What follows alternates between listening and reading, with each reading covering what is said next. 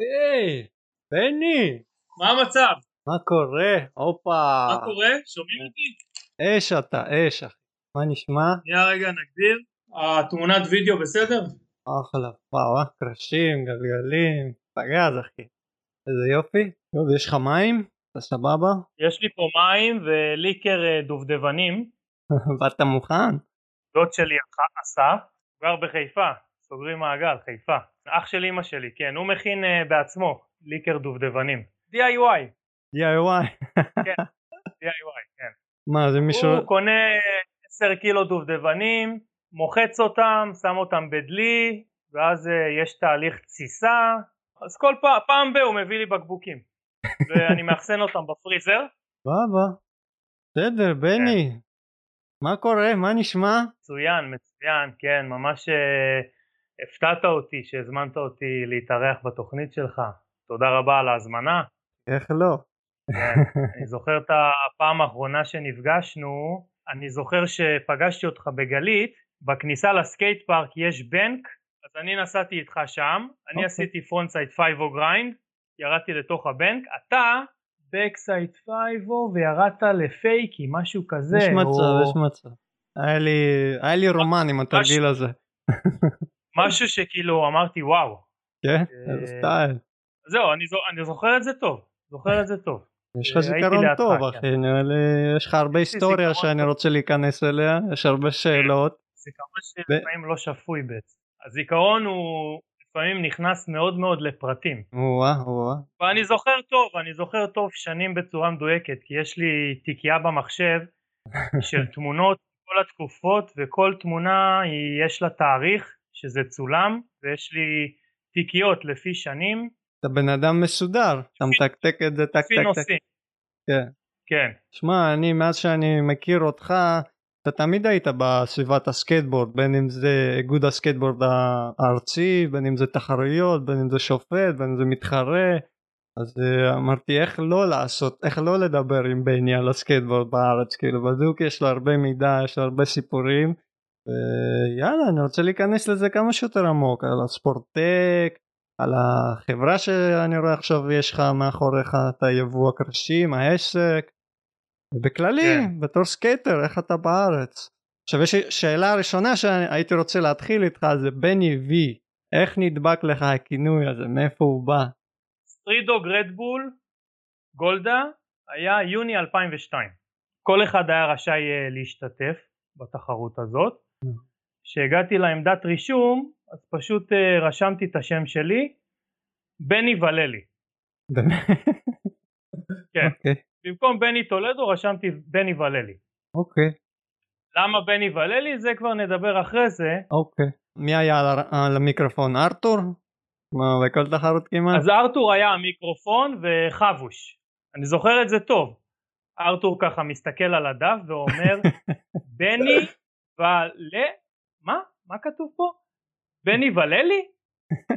יש פה וללי? בני? ואז נכנסתי, אה, בני טולדו, וללי, סבבה. אוקיי. אז ככה, מפה זה התחיל, בני וללי. ואז עם הזמן זה... אז זה התקצר לבני אה, וי. אז כאילו כולם בני כן, וי, בני וי. כי מייק וללי בעצם גם שינה לו את השם למייק וי. בן כמה היית בתחרות הזאת?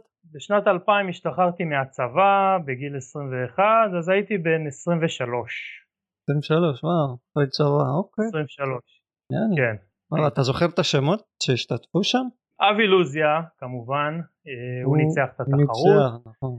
אה, מוטי שטרנפלד, דודי חסון, אה, קצת אחרי התחרות אה, מעריב לנוער פרסם איזושהי כתבה, ממש במקרה, לא יודע, מישהו אמר לי שהוא ראה תמונה על התחרות. יש פה כאן אה, תמונה שלי בוול רייד בתחרות, אה, עם הקסדה הלבנה זה אבי לוזיה, מימין לאבי זה אודי חסון, ויש עוד תמונה קטנה שלי, זה frontside flip על הבנק. איזה סטייל, איזה סטייל. לא יודע, לא יודע איך זה קרה, אבל אה, מישהו הודיע לי שהוא ראה את זה, אז קניתי. כן, כאילו בזמנו נראה לי בטח אף אחד לא הסתכל על מעריב לנוער, מה הסיכוי שמישהו... כן, כן. לא היה מגזין עם סקייט בארץ, זה מה שהיה. אתה בעיתון, מעריב לנוער אה, עשו פינת אה, סקייטבורד, סוף שנות ה-80, שנות ה-90, באמת, ולרובי אבודי הייתה פינה שם שהוא בעצם אה, נותן trick tip. וואו. כל גיליון היה תמונה של רובי אבודי עושה trick tip, no-comply, ollie על מדרכה. אז כן, זה היה מגניב. זה היה מגניב, ולי רק כמה שנים אחרי זה יצא לראות את זה. באותה תקופה לא ידעתי שזה קיים. כי אני הייתי סגור בבת ים, לא ידעתי מה קורה מחוץ לבת ים. לגמרי. מייק וללי, כאילו, הדבקת את השם משפחה שלו לתח... בתחרות. אז איך פתאום אתה רואה פה את uh, מייק וללי, איך אתה מכיר אותו, איך יוצא לך בכלל לשמוע עליו? אז קודם כל קצת ככה רקע, אה, אני גדלתי בבת ים. אוקיי. בת ים עיר מאוד מגניבה, שמה שעושה אותה מגניבה זה בעצם הים. ובאותם זמנים החיבור של הסקטבורד עם הגלישת גלים היה מאוד uh, קרוב אחד לשני. Uh, אני הייתי גר ב- באזור כזה שכל הגולשים פשוט היו עוברים מהבית שלי בדרך לים. וגם בים היה בעצם spot ששם רובם היו נוסעים על סקייט, אז תמיד הייתי שומע מהבית שלי רעש של סקייטבורד, תמיד הייתי יוצא מהחלון ומסתכל. אז אני התחלתי על סקייטבורד ב-1988, וואו. הייתי כיתה ד'. הסקייטבורד הראשון שקנו לי זה היה סקייטבורד ב-35 שקל. אה, קנו, קנו, אותו, קנו לי אותו בחנות צעצועים, וזה היה קרש אה, בלי nose, משהו כמו, אה. רואים פה למעלה, כן, כן, כן. גלגלים ולאגרים שלא מסתובבים, בקושי זזים. זה, זאת הייתה ההתנסות הראשונה שלי, 89, קנו לי את הסקטבורד והתחלתי להבין מה זה סקטבורד. ראיתי שאי אפשר לעשות כלום עם הסקטבורד הזה, הוא פשוט לא זז. התחלתי עם זה, לדעת איך לדחוף, איך לשים את הרגליים כמו שצריך. ואחרי שנה שדרגתי את הסקטבורד הזה, קנו לי גלגלי פאוול, איך זה משתלב עכשיו, ה Powell הזה בארץ בכלל, מאיפה הם מביאים את זה? שנייה אני אגיע לזה. אוקיי. אה, קודם כל, החלון של החדר שלי בבת ים, איך שהייתי מוציא את הראש ומסתובב שמאלה, היה כביש, מעבר לכביש היה בניין, מתחת לבניין הייתה חנות skate. וואלה. קראו לחנות סנסינו. טנשינו. זאת הייתה, כן, זאת הייתה חנות סקטבורד אה, רק סקייטבורד? בבת ים, סקטבורד וגלשנים. אוקיי. אה, בזמנו רמי דבש, מי שמכיר, היום הוא עובד ב Intersurf, הוא מצייר בעצם את הגלשנים, הוא עד היום עובד ב Intersurf. הוא היה עובד בחנות, הוא היה מוכר שם, שמשם קנו לי את הגלגלים והלאגרים ל skate הקיים שהיה לי ב-35 שקל. פשוט אוקיי. הרכבתי לו גלגלי Powell Peralta ולאגרים מקצועיים, ופשוט היה לי סקטבורד מהיר, אפשר היה לעשות איתו ollie, באותה תקופה התחלתי כבר אה, ללמוד עולי, איך אתה יודע מה זה ollie? איך אתה יודע מה זה טריקים בכלל? איך אתה נחשף לזה? למזלי החנות הזאת הייתה ממש אה, ליד הבית שלי, ממש מתחת לאף, ותמיד היו שם מתאספים אה, סקייטרים וגולשים, פעם ב... המוכר היה מוציא את הטלוויזיה לחלון ראווה אה, והיה שם סרטי skate, בזמנו היה H-Street, Hokus Pokus, אני, אני לא אשכח את היום הזה, פשוט כל הסקייטרים של השכונה ישבו במעגל מסביב לחנות הקרנה. וראינו סרט skate, כן. זה היה הסרט skate הראשון שראיתי. רק אחרי כמה שנים הבנתי שמה שראיתי זה Hokus Pokus. באותו רגע לא, לא היה לי מושג מה אני רואה. אז אה, קלטת אה, וידאו עם סרט סקטבורד עלתה 100 שקל. 100 שקל אז זה כמו 500 אלף שקל היום. אה, אף אחד לא הרשה לעצמו לקנות אה, סרט סקטבורד. אז או שהיינו מקליטים מווידאו לוידאו, או שמישהו מארצות הברית היה מביא, אבל לי לא היה שום קשר לארצות הברית, לא היה לי שום מכר אה, בארצות הברית שיביא לי מגזינים או סרטי skate, ואחד הרגעים שראיתי בסרט שאני לא אשכח, זה מישהו שנוסע לכיוון jump שמחוברת לקיר, פשוט עולה על ה jump ופשוט נוסע על הקיר ויורד. באותו רגע שראיתי את זה אמרתי וואו, סקטבורד זה משהו שאפשר לעשות נגד חוקי הגרביטציה. כאילו הייתי בשוק מעצם העובדה שאפשר להיות על קיר. זה הדבר שבעצם הטריף אותי באותו רגע, והיו שם עולי מעל פחי, מעל פחים, היה אולי מעל אה, ספסלי פיקניק, היה שם פליפים, היה שם כל מיני סשנים של פלטברים וגריינדים, היו הרבה טריקים אבל לא באמת ידעת שזה אפשרי לעשייה כי לא היה אנשים מסביבך שעשו את זה. כל מה שראית mm. באותה תקופה ברחוב זה אנשים שעושים אולי, אולי מעל מדרכה, אולי מעל העיגולים של הביוב שיש בכבישים. אוקיי. אוקיי. באותה תקופה גם, לא רחוק מהחנות הזאת, הייתה mini ramp, שכמה סקייטרים בנו, כן, מעץ. היה באמת שכונה של סקייטרים והסקייטבורד והגלישה מאוד התחבר, מי שהיה על סקייטבורד הוא גם בעצם גלש, והרבה גולשים היו גם סקייטרים. היית גולש? לא באותה תקופה, רק סקייטבורד עניין אותי, אה, בגלל שה spot של הסקייטבורד היה בים, בטיילת, אז אה, תמיד הייתי רואה גולשים, תמיד גולשים היו רואים אותי על סקייטבורד, אבל אה, הגלישה אצלי באה בש, בשלב יותר מאוחר. אוקיי. אוקיי. מה שאופייני לאותה תקופה זה שבגלל הבעייתיות של התקשורת והמדיה ושאנחנו ישראל והכל קרה בעצם בארצות הברית, נכון. הכל היה באיחור פה בישראל. גם. נגיד אה, סרט שיצא ב-86, רק ב-89-90 יצא לי לראות אותו. באותה תקופה היה סרט מאוד מפורסם, סרט עלילתי, אבל הוא בעצם תיאר בצורה מאוד יפה את הסצנה של הסקטבורד בווניס ביץ'. קראו לסרט החלקה לניצחון. זה, יצא, זה Thrashin' באנגלית? Thrashin', כן. הוא יצא בארצות הברית ב-86, אבל בארץ אה, שמו אותו בכבלים הפיראטיים בסביבות 89-90. ואז ברגע ששמו אותו בכבלים, פשוט כל בת ים קיבלה את השיגעון של הסקטבורד, היו נוסעים ברחובות וצועקים, החלקה לניצחון, ובאמת, הסרט הזה עשה בום מאוד גדול. אז ב-89-90 באמת הסקטבורד בבת ים היה מאוד גדול, הייתה mini ramp בחולות, הייתה עוד חנות skate שקראו לה Sunset, היא גם מכרה גלשנים, היא הייתה מביאה Vision, וסנסינו בעצם היה מביא Powell מ Intersurf. אוקיי. הם היו בעצם מביאים את כל הציוד של Powell, כל גלגלי Bones, כל Powell Peralta, ופשוט הייתי נכנס לחנות אחרי הבית ספר, ופשוט מסתכל על הקירות ועל התמונות ועל הגלגלים. קבל השראה. כן, כן, כן. מעניין אותי אחי, מה זה הכבלים הפיראטיים הזה? מה זה היה הדברים האלה? מישהו היה מטפס uh, לאנטנה של הבניינים, אוקיי. okay. והיה מחבר לשם uh, סוג של וידאו, וכל פעם הוא היה שם קסטה עם סרט אחר, היו צריכים לשלם לו סכום חודשי מסוים, והוא אוקיי. פשוט היה מקרין סרטים אה, שלא היה כלום בעצם, היה רק אה, ישראל באותה תקופה ולבנון. אוקיי. אוקיי. היה ערוץ לבנון שהיה אפשר אה, לקלוט בישראל, היה אפשר לראות שם סרט ערבי או NBA. מעניין איך הוא הגיע ל Thrashin', איך הוא הגיע להקרין את הסרט כן. של Thrashin'. כן, זה היה סרט מאוד פופולרי בארצות הברית ואיכשהו הוא הגיע אוקיי. לארץ. קריסטיאן אה, הסוי נראה לי או טוני אלווה לא זוכר ראיתי את ה... טוני אלווה השתתף השתתף שם. טוני אלווה השתתף בסרט אדי אלגאוטו.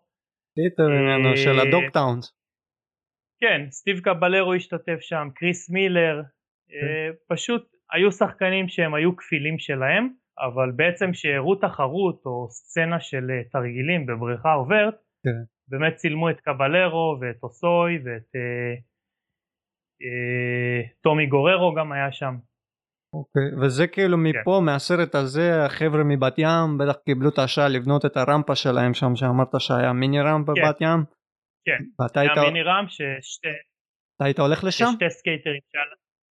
אני הייתי הולך אבל מסתכל מהצד. אה כן? אה, לא הייתי נוסע, כן לא הייתי נוסע, אני באותה תקופה הייתי רק ב, ב, בשלב של אה, אה, לעלות מדרכה בהולי. אוקיי, כן. גם מההוקוס אה, פוקוס, טרשין, ראית הולי והתרגילים, נחשבת לזה. כן, אותו ערב שראיתי את הסרט זה היה ערב חד פעמי. כן, אה, גם. אולי עוד פעם אחת זה חזר על עצמו, אבל אותו ערב שבאמת כולם התאספו זה היה משהו חד פעמי. לגמרי, לא כמו אה, היום, אתה רואה את זה באינסטגרם כאילו ומעביר הלאה, כן, מעביר, כן. מעביר. לא ידעתי באמת איך לעשות הולי, לא ידעתי איך לשים את הרגליים, אבל אה, פה ושם הייתי רואה מישהו ברחוב עובר מהבית שלי, עושה הולי. בכיתה ה' או ו', חבר שלי מהכיתה שהוא היה די אתלט ודי כישרוני ודי קולט דברים מהר, הוא התאמן על הגג שלו איזה חמש שעות על הולי, והוא בא אליי בערב, מתחת לבית, הוא אומר קבל למדתי הולי. ואיך הוא עמד בהתחלה? הוא עמד ככה. במקום ככה, אה, במקום ככה, כן. הוא עמד ככה, הוא עשה ollie ככה.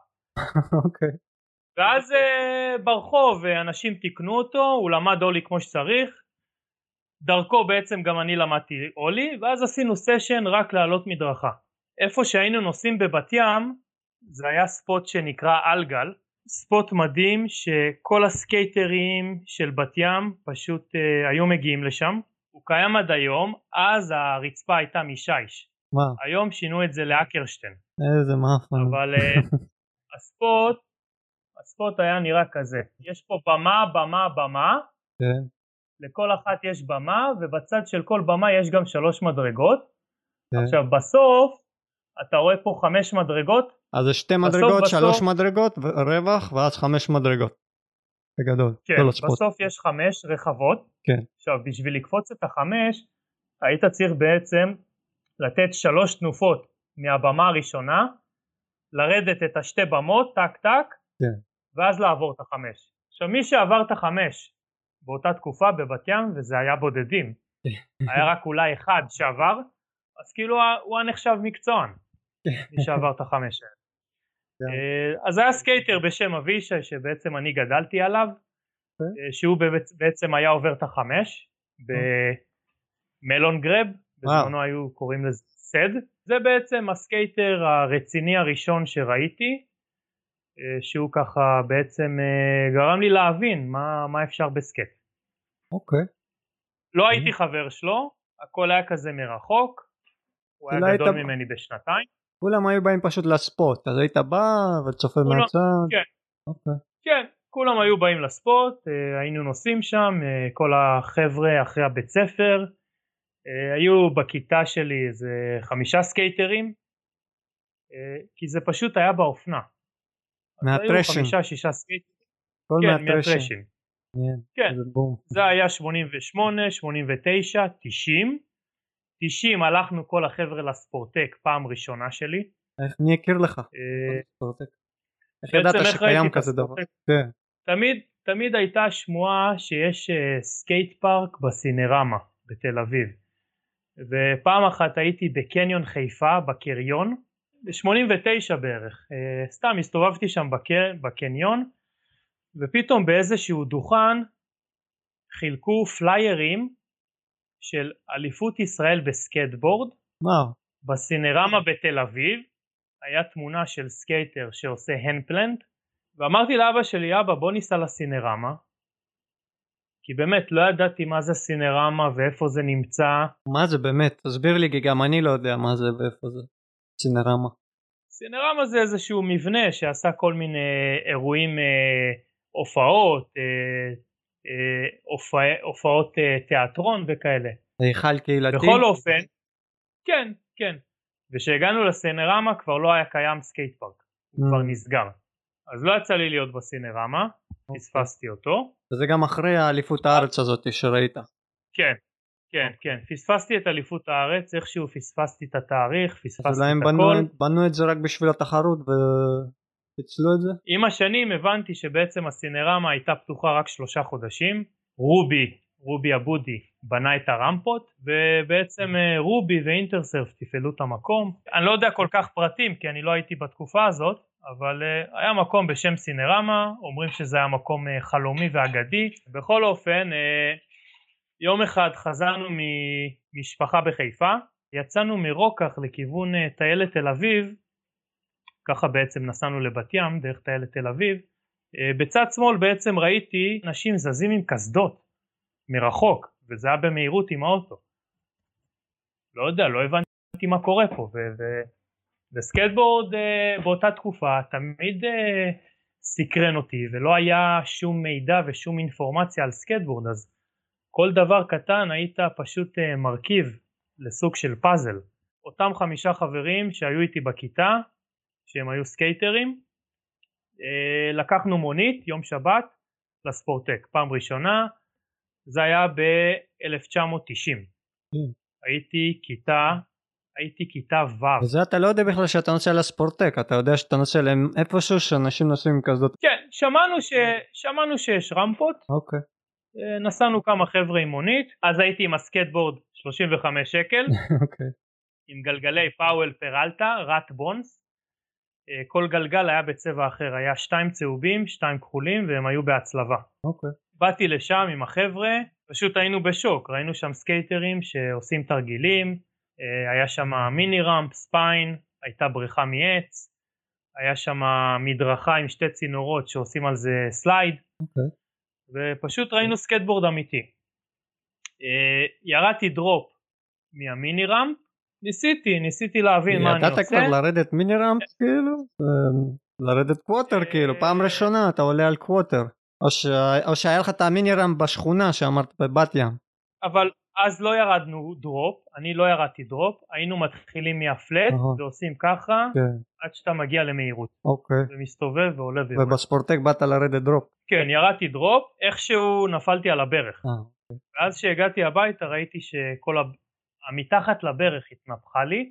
ואז בעצם מאותו רגע אה, לא יכולתי לנסוע חצי שנה שנה. היה לי, היו לי כאבים מטורפים, אה, ניסיתי להתכופף, פשוט כאב לי. עליתי במדרגות, כאב לי. וואו. הלכתי לאורתופדים ופשוט האורתופד אמר אה, לאימא שלי תקנה לו מגנים זה הפתרון אוקיי. כי אז בעצם המגנים שהיינו משכירים בספורטק הם לא באמת היו מגנים עליך. זה בעצם הפעם הראשונה שהלכתי עם אבא שלי לספורטק אוקיי. רק כדי לקנות מגנים. שאלתי את רובי אם יש מגזינים של סקטבורד הוא אמר אין אבל יש אה, poster book ככה זה היה נקרא. היו שם איזה ארבע פוסטרים של טוני הוק, מארק גונזלס, מאט הנסלי ועומר חסן. אה, פוסטרים שנפתחים לגודל כזה כל פוסטר ומאחורי כל פוסטר יש sequence של טריקים שכל אחד מהם עשה. גדול. אז תליתי את כל הפוסטרים האלה בחדר ופשוט הייתי מסתכל על זה על, בחדר שלי ועדיין לא יכולתי לחזור לנסוע על skate כי כאבה לי הברך. ואנחנו מגיעים עכשיו לשנת 91 אוקיי. ש-91 בעצם אה, חגגתי בר מצווה. באותה תקופה התחילו לשים כבלים. היה ערוץ בשם סופר צ'אנל שפתאום הוא הקרין את אליפות העולם בסקטבורד שזה היה בגרמניה מונסטר Monster Mastership אז אה, הקלטתי את זה ופשוט היה לי קטע לראות כל הזמן ב repeat את הקטע הזה של התחרות סקטבורד היה שם פרי סטייל על הרצפה היה street עם כל מיני רמפות ו slider ל board סליידים והיה קטע של vert. אז במשך תקופה ארוכה שנים פשוט ראיתי את הדבר הזה כל הזמן את הקטע הזה של אליפות העולם שהקלטתי באותה תקופה שהייתי עם הסקטבורד הזול ולמדתי אולי ולמדתי לעשות אולי מבמה באותו ספוט בבת ים אז משהו כמו כל חמש שש אולים היה נשבר לי הציר. חיכיתי לבר מצווה שיקנו לי סקטבורד מקצועי. אז עד הבר מצווה כל הזמן תמורת 20 שקל רמי דבש בעצם היה מחליף לי את אותם צירים שהייתי שובר וכל חמש שש אולים מבמה זה היה נשבר שוב פעם.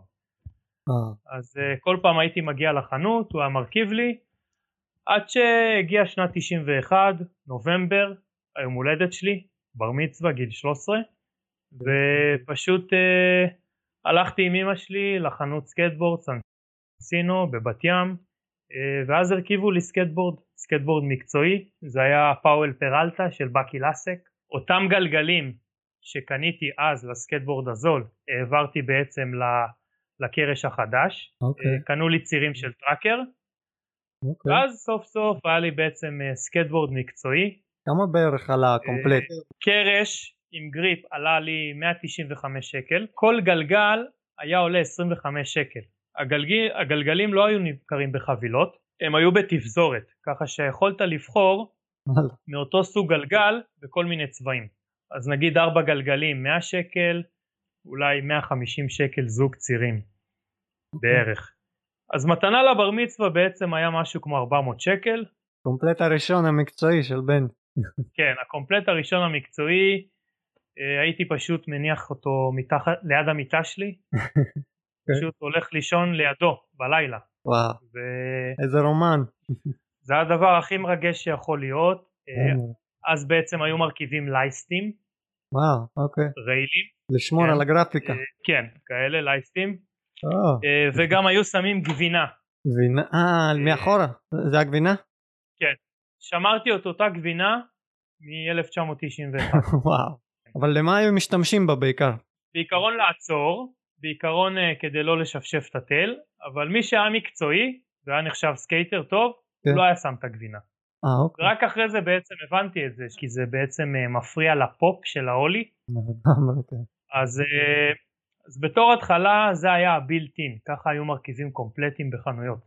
אוקיי. אבל אה, אחרי שנה, שנתיים הוצאתי את הגבינה, הלייסטים נשארו, ובעצם עם הסקט הזה למדתי, ההולי שלי יותר התחזק, הכרתי יותר סקייטרים בבת ים, היו בבת ים הרבה ספוטים, היה, היה גן העיר שהיה שם מדרגות ובמות והיה בניין העירייה שזה היה בנקים שזה כמו גל שפשוט היית נוסע על הבנק הזאת והיא הייתה בנק קטלני. ארוכה. עדיין כן. יש את זה? עד, היום שאני הולך לבקר את אמא שלי אני נוסע שם, כאילו לפני. שאני יוצא הביתה אני עולה שם, זה פשוט בנק ארוכה ומה שהיינו עושים זה שמים שתי סקטבורדים וכל פעם מרחיקים. והמטרה הייתה לנסוע כמה שיותר על הבנק כן. למרחק. אה, אה, וזה היה הקטע. אז למדתי לנסוע על הבנק הזה אבל אה, עיקר הסקטבורד שלי היה street באלגל בבת ים אולים מהמדרגות לשים סקטבורד על סקטבורד על הבמה ואז לעבור שזה כי בעצם high to low. אגב יש לי פה תמונה זה, זה הקיר הבנק. אז בעצם אה, הסקטבורד היה הרחוב כן. זה בעצם מה שידענו רק רחוב. אנחנו מגיעים לשנת 92 הגעתי לכיתה ט' ואז בעצם הסקטבורד בבת ים פשוט מת. קודם כל זה התחיל מזה שהחנות סנסינו נסגרה. וזה היה כאב גדול בשבילי. אני זוכר שראיתי את, אה, את המוכר של החנות בסנסינו פשוט אה, מפנה את החלון ראווה, אה, היו לו שם גביעים של תחרויות גלישה שהוא זכה, קצת אחריה חנות סאנסט גם נסגרה, אה. אה, אגב סאנסט היו מייבאים אה, בלוקד, חברה מטורפת school. חסן התחיל את הקריירה. אה, יש לי פה קרש של בלוקד שככה העסקתי אוקיי. בשביל עצמי. אספנות. שיהיה לי מזכרת. כן, אז בעצם אה, סגרו את שתי חנויות הסקטבורד, אה, כל הסקייטרים בעצם עברו לגלישה, הרבה סקייטרים עזבו את הסקטבורד כי כבר דברים אחרים יותר עניינו אותם, שזה רישיון לאופנוע אז זה היה טרנד כזה. וכן. אז בעצם אה, מצאתי את עצמי הסקייטר היחיד בבת ים, וואו. הייתי חוזר אה, מבית ספר, יוצא לנסוע לבד, ככה, 91 קנו לי את הסקטבורד המקצועי, פירקתי אותו, נסעתי עליו הרבה, בסוף מכרתי אותו ב-90 שקל ואני מצטער על זה עד היום, שמכרתי את הקרש הזה, כי באי-ביי ראיתי אותו היום, שמישהו מוכר אותו ב-1700 דולר, וואו. אבל לא בשביל הכסף, פשוט הייתי שמח שהקרש הזה יהיה פה לידי, כי זה בעצם הקרש מקצועי הראשון שהתחלתי לנסוע. אה, ואז ב-92 בעצם אה, חל מהפך בסקטבורד, הגלגלים הגדולים הפכו להיות גלגלים קטנים, אה, אז בעצם ב-92 הלכתי לאינטרסרף וקניתי גלגלים קטנים, כי בעצם אה, זה מה שהיה באופנה, מה זה מפלן בי? פלן בי היו נוסעים. כן בדיוק, בדיוק, ב-92 יצאו שתי סרטים משמעותיים, הראשון זה של H-Street, קראו לסרט Next, סרט שאיכשהו העתקתי אותו מקלטת לקלטת ופשוט העתקתי אותו אליי הביתה ופשוט הייתי רואה אותו כל יום ב repeat לפני בית ספר, אחרי בית ספר ולפני כל סשן. באותה שנה ב-92 יצא גם Plan B, הסרט questionable, שלא יצא לי לראות אותו ב-92, רק ב-94 ראיתי את הסרט שבעצם יצא ב-92, אבל נגיע לזה בהמשך. ה delay. מצטמצם עם השנים, לאט לאט זה מתקרב. כן. כן. בעצם הייתי רואה H-Street, קראו לסרט Next, טוני מגנוסון, אה, אריק קוסטון, היה. שם בן 16, היה בסרט הזה הרבה street, אה, אלפונזו רולס נסע שם, טוני מגנוסון, היו שם הרבה רמפות, הרבה street, הרבה אנשים לא יודעים אבל היה שם סקייטר בשם צ'ט ווט שהוא היה תותח רמפות וב-2007 הוא הגיע עם הצוות של גריינדליין לישראל לבנות את גלית. הוא היה חלק מהסקייטרים שבנו את סקייט פארק גלית, צ'ט ווט, הוא היה מקצוען ב-H-Street, זאת הייתה התקופה של. ה-small wheels, big pants, הכרתי סקייטרים חדשים בבת ים שבאמת היו חזקים בקטע של הסקייטבורד וגם נסעו עם גלגלים קטנים והם גם נתנו לי הרבה השראה, הרמפה עדיין הייתה קיימת בבת ים והיה עוד סקייטר אחד שבנה עוד רמפה ביפו ד' אה, קראו לו שחר אוקיי. הוא גם היה נוסע הרבה בספורטק. נסענו הרבה ביחד, אבל אה, גם הרבה מצאתי את עצמי לבד. כי הייתה בעיית תקשורת, אתה יודע, uh, לא תמיד היו מתקשרים אליי, לא תמיד היו מודיעים לי שיש סשן. לפעמים הייתי מחכה לטלפון ולא היו מודיעים לי שהולכים לסשן. אז הם היו קיימים, לא תמיד, לא תמיד הייתי פוגש אותם, הרבה פעמים הייתי יוצא לבד לנסוע, אבל uh, הסצנה עדיין הייתה קיימת בבת ים, ואז בעצם ב, בסוף 92 עד 94 מצאתי את עצמי לבד. מה גרם לך להמשיך ולדחוף? ראיתי כל יום את הסרט Next של H-Street, כל יום הייתי רואה אותו, ופשוט אה, נתן לי המון השראה, הייתה שם מוזיקה טובה, שנתנה לי הרבה drive. ואז ב-93 בעצם אה, נוצר מהפך בקרשים, הורידו את הלייסטים ושמו שכבת פלסטיק בקרש. זה בעצם אומר שאפשר להחליק על אה, קרבים בלי שעווה ולעשות בורדסליידים על אה, דברים מאוד מחוספסים בלי שעווה בלי, ובלי לייסטים. היה לי קרש אה, של חברת Acme, קניתי אותו גם באינטרסרף. מה, איזה חברות? אף פעם לא שמעתי את השם הזה. Acme, אוקיי. כן, Acme, כן, חברה שלא קיימת היום. קניתי את הסקט הזה בכיתה ט' אוקיי. באינטרסרף עם, הס, עם, הקר, עם הסקט הזה ועם הגלגלים הקטנים בעצם. עם הסקט הזה למדתי shove-it flip, בזמנו קראו לזה flip varial. 93 עד אמצע 94 אז אותה ההשראה שלך זה. הסרט, המוזיקה, ראש שקט, ורק כן. להשתפר וללמוד כן. תרגילים חדשים. כן, כן, ניסיתי, ניסיתי להשתפר ממה שראיתי, לא ידעתי שמה שאני רואה זה אפשרי בכלל. חשבתי שזה דברים שיכולים לקרות רק באמריקה. היה בסרט אה, קטע שמישהו עובר באולי גדר בגובה כזה, מה? אה, באולי, בלייט שוות. לא כן. הבנתי איך זה קורה. מאיזשהו קיקר של רחוב, של בטון אה, בעצם. כן. ואז בעצם אה, נוצר עוד איזשהו מהפך בכיתה י', אה, נכנסתי לקניון בת ים, ואז בעצם ראיתי חנות שהייתה נראית כמו חנות ספורט, אבל בחלון ראווה היה קומפלט של אה, פאוול פרלטה, קומפלט, מקצועי, אה, נוז וטל כמובן, כמו הסקטבורדים שנראים היום, כן. והיו גם גלשנים שם. באותה תקופה גם אחד המחברות של הבתי ספר היה תמונה של אה, סקייטר והיה רשום שם באנגלית יוסי שאול באנגלית number 1 Israel skateboarding זאת הייתה מחברת חשבון ומחברת עברית שהכריכה שלה בעצם היה תמונה של יוסי שאול. והיה לו, לו שם frontside air שהוא תופס indy grab על vert שזה היה בספורטק עם אה, מכנס צהוב של אינטרסרף אה, נעלי סקטבורד של אינטרסרף שבזמנו גלי הייתה מייצרת אותם. מי זה גלי? גלי זה מותג אה, נעליים שישראלי אה, אנשים לא היו קונים אה, נייק, ריבוק, אדידס. היו קונים גלי גלי. זה היה זול, זה היה איכותי מאוד, אבל רק בחנויות גלישה וסקטבורד ובאינטרסרף מכרו נעלי גלי אינטרסרף שזה היה מיועד לסקטבורד. אוקיי. זה בעצם היה עם מגן לשרוך. אוקיי. נעל גבוהה בעיקרון, עוברת את, את העצם. כמו סטיב קבלרו? כן, סוג, סוג של, כן. של ה Half Cab, כן, אוקיי. כן. בעצם אז אה, היה מחברת חשבון ומחברת עברית שהכריכה שלה היה בעצם יוסי שאול ב frontside air על, על ה vert. זה כאילו pro model של, של יוסי כן. שאול על מחברת אבל. ובצד הש... השני היה פייק אייר שהוא עושה. מעולם לא ראיתי את הבן אדם הזה, ראיתי רק תמונה שלו. Uh, על הקרש היה מדבקות של אינטרסרף והיה גם לוגו של אינטרסרף שזה היה IS כן. בצבעים uh, זוהרים.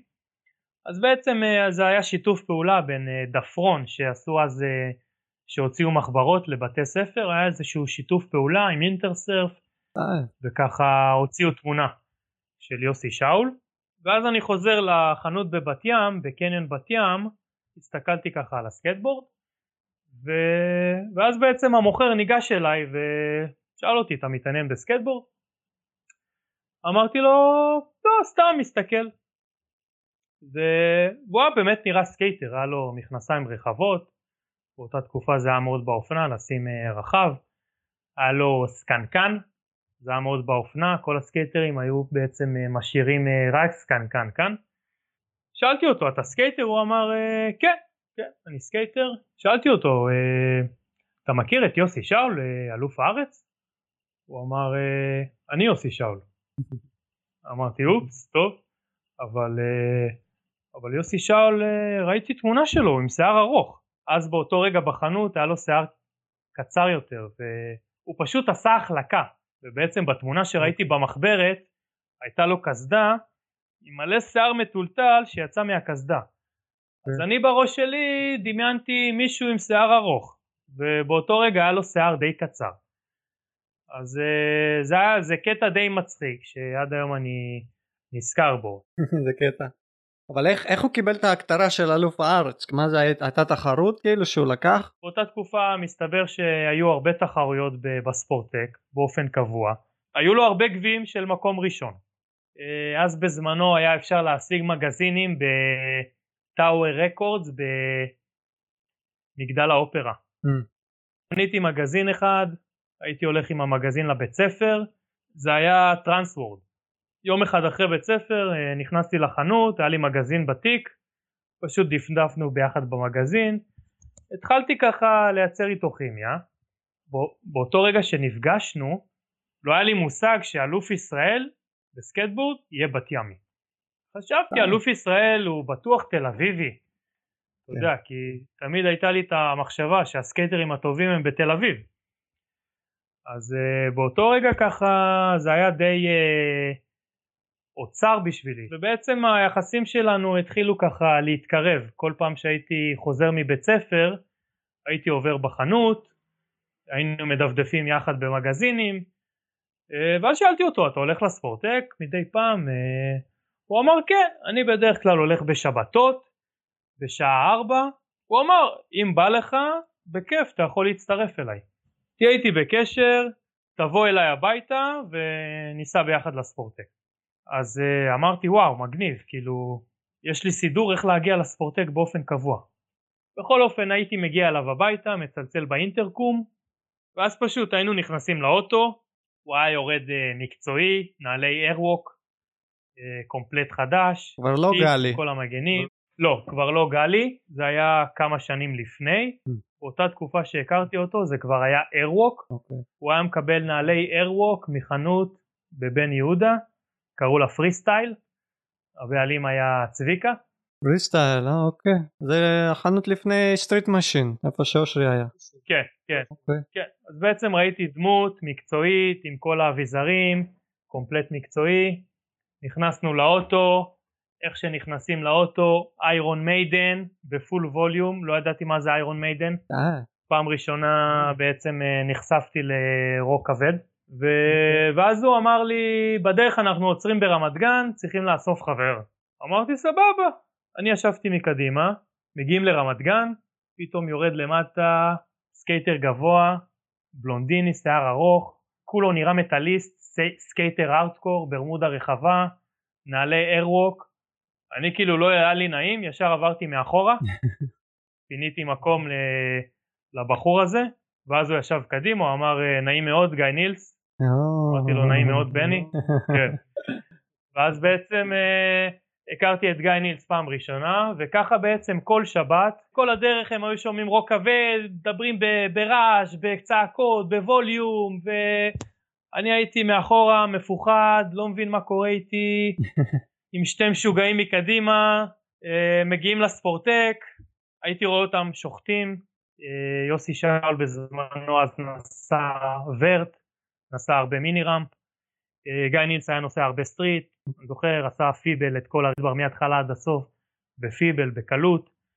ובעצם מאותה תקופה כל שבת וזה כבר סקייטים שהשתנו כבר כן זה לא הסקייטים הגדולים זה כבר סקייטים של היום הסקייטבורדים של היום בעצם קיבלו את הצורה של היום ב-91 אוקיי. 92, 93 הסקטבורדים הפכו להיות יותר צרים, אוקיי? ב-91 הקרש היה 9.7, ב-92-3 זה כבר היה 9.2, משהו כזה, זה כבר נהיה יותר צר, היה סליק בקרשים, ובעצם מאותו, מאותה תקופה כל שבת הייתי מגיע ליוסי שאול, אה, בשלב יותר מאוחר, שכבר uh, המערכת יחסים ביני לבין יוסי שאול כבר הייתה יותר קרובה, כשהייתי מצלצל באינטרקום היה אומר לי לעלות אליו, אני עוד לא מוכן, אז הייתי עולה אליו, חכה לו בחדר, פעם ראשונה בעצם שעליתי אליו הביתה ונכנסתי לחדר, בעצם ראיתי איזה 50 גביעים של uh, מקום ראשון, מקום שני, street, vert. אז הייתה שם תחרות כל חודש יענו, כל שבוע? כן, רובי היה עושה הרבה תחרויות באותה תקופה, היה מועדון הסקטבורד הישראלי של רובי, היו לו משהו כמו 50 גביעים, כל חודש בערך הייתה תחרות או כל כמה שבועות. בשנת 94-95 התחלתי בעצם אה, להכיר את הספורטק בזכות אה, יוסי שאול. הייתי משלם 20 שקל לשעה, 30 שקל לשעה, רציתי לדעת לנסוע רמפות וההתחלה הייתה מאוד קשה עבורי, נוסע שעות לבד. גם לא היה לי עם מי לנסוע שם כי כל הסקייטרים הטובים היו נוסעים במיני ראמפ לאבי לוזי היה אז אה, אופנוע קג'יבה 50 סמ"ק. נראה לי שהוא רק הוציא רישיון אז אה, נראה לי שהוא היה בן 16-17 אז. אבי יותר גדול ממני בשנה וחצי בערך אה, לא. משמעותי כן אבל אז זה היה משמעותי כי אה. הוא כביכול היה ב-level אחר ממני אה, אני אז באותה תקופה פשוט הייתי יורד drop עושה rock fakie ומנסה להיתקע ל tail.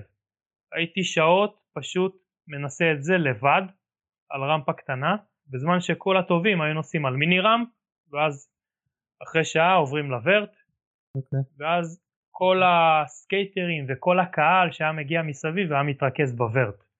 בעצם זה היה ה highlight של הערב של אותה שבת וגם רובי היה נוסע okay. איתם ואז התחלתי להגיע לספורטק כל שבת כי רציתי להתאמן ברמפות. עדיין הייתי נוסע כל הזמן סטריט ברחוב במהלך השבוע, אבל שבתות הייתי יודע שהיה לי את הספורטק עם יוסי שאול. חוץ מהשבתות עם יוסי שאול הייתי מגיע לספורטק באוטובוסים, אה, מבת ים כל כיוון זה היה שעה נסיעה. מה ויוסי שאול לא היה נוסע באמצע שבוע? לא, לעיתים נדירות. הוא היה עובד בחנות אה, אופנוגל בקניון, סגרו את החנות ואז הוא עבר לעבוד בחנות דיסקים. אוקיי. תמיד היה לי את החלום והשאיפה הזאת להכיר סקייטרים מתל אביב או סקייטרים מחוץ לבת ים אה, מה הם עושים באמצע שבוע בעצם איפה הם נוסעים street ברגע שהתחלתי לבוא לספורטק אז שאלתי את אחד הסקייטרים אני זוכר קראו לו דניאל הוא היה ג'ינג'י שאלתי אותו תגיד איפה כל הסקייטרים התל אביבים נוסעים street? הוא אמר לי בגימנסיה. תבוא לשם יום שישי גימנסיה הרצליה זה בית ספר תיכון בתל אביב. אה, אמרתי לעצמי אני נוסע לגימנסיה, אני זוכר היה לי complete חדש, היה לי קרש אה, ירוק blank של Powell וגלגלי Powell חדשים. עכשיו באותה תקופה שהייתי נוסע לבד בבת ים בעצם אה, לא היו curb ים בבת ים, ה spot היחיד זה בעצם היו הבמות, אה, אבא שלי לקח אותי, אז קודם כל הסיטואציה הזאת שאני נכנס לגימנסיה הרצליה משטח שיש ענק, לפי דעתי היו שם 70 סקייטרים. Oh. זאת הייתה. תמונה מטורפת שבעצם פעם ראשונה אני יוצא מחוץ לבת ים ורואה סקייטרים שנוסעים street ובכמות מטורפת, כאילו אני רגיל לנסוע לבד, מקסימום עם עוד סקייטר 2 בבת ים, והיום כאילו אני מבין שכל ה-70 סקייטרים האלה שראיתי אז זה כל הסקייטרים בישראל. כי בעצם היו מגיעים לגימנסיה בהרצליה כל הסקייטרים בארץ, מראשון לציון, נס ציונה, תל אביב, ירושלמים, אני לא יודע אם היו מגיעים לשם, לפי דעתי לא, מבאר שבע גם, לא יודע, אולי, יתקנו אותי הבאר שבעים אם אני טועה והירושלמים, כל הפסאז' היה מפוצץ בסקייטרים, ליד הפסאז' יש במה של ארבע מדרגות, היה שם באמצע ספסל של אולם ספורט מעץ, שזה הדבר הכי מושלם שיכול להיות עד היום, כאילו אני יכול לנסוע על זה וליהנות. זה היה ספסל באורך אה, לא יודע 4 מטר, שהרוחב שלו יכול להיכנס ל boardslide, וכשאתה עושה grind זה כמו curb, הוא היה מחליק בטירוף, okay. אוקיי. ובעצם שם הפעם ראשונה ראיתי crooked grind. כל הזמן הייתי רואה בסרטים, מה זה בסרטים? הייתי רואה באותו סרט היחיד שהיה לי בבית, H-Street של Next, שראיתי שם uh, את ה part של אריק קוסטון, שהוא המציא את ה crooked בעצם. באמת? אריק המציא אותו? כן, K-grind. K-grind crooked. באותה תקופה, בלי שום קשר, שהייתי קונה קרשים מ Intersurf, אז uh, תמיד שאלתי את איציק, uh, יש לך סרטי סקייטבורד? כי היה קשה להשיג סרטי סקייט, ולקנות עלה 100 שקל. אז uh, נוצר מצב שאיציק מ Intersurf היה מביא לי סרטים, הייתי מקליט, מקליט אותם, או שהייתי לוקח אותם לשבועיים, חודש, רואה אותם ומחזיר לו. ואז הוא הביא לי סרט Invisible, זה היה ב-93, שם ראיתי את מאט ממפורד, לבן פידיאס, סקייטר אה, אה, שחום עור עם super style, שם גם ראיתי בין הפעמים הראשונות crooked grind. ואז בעצם כשהגעתי לגימנסיה ראיתי פעם ראשונה crooked grind במציאות.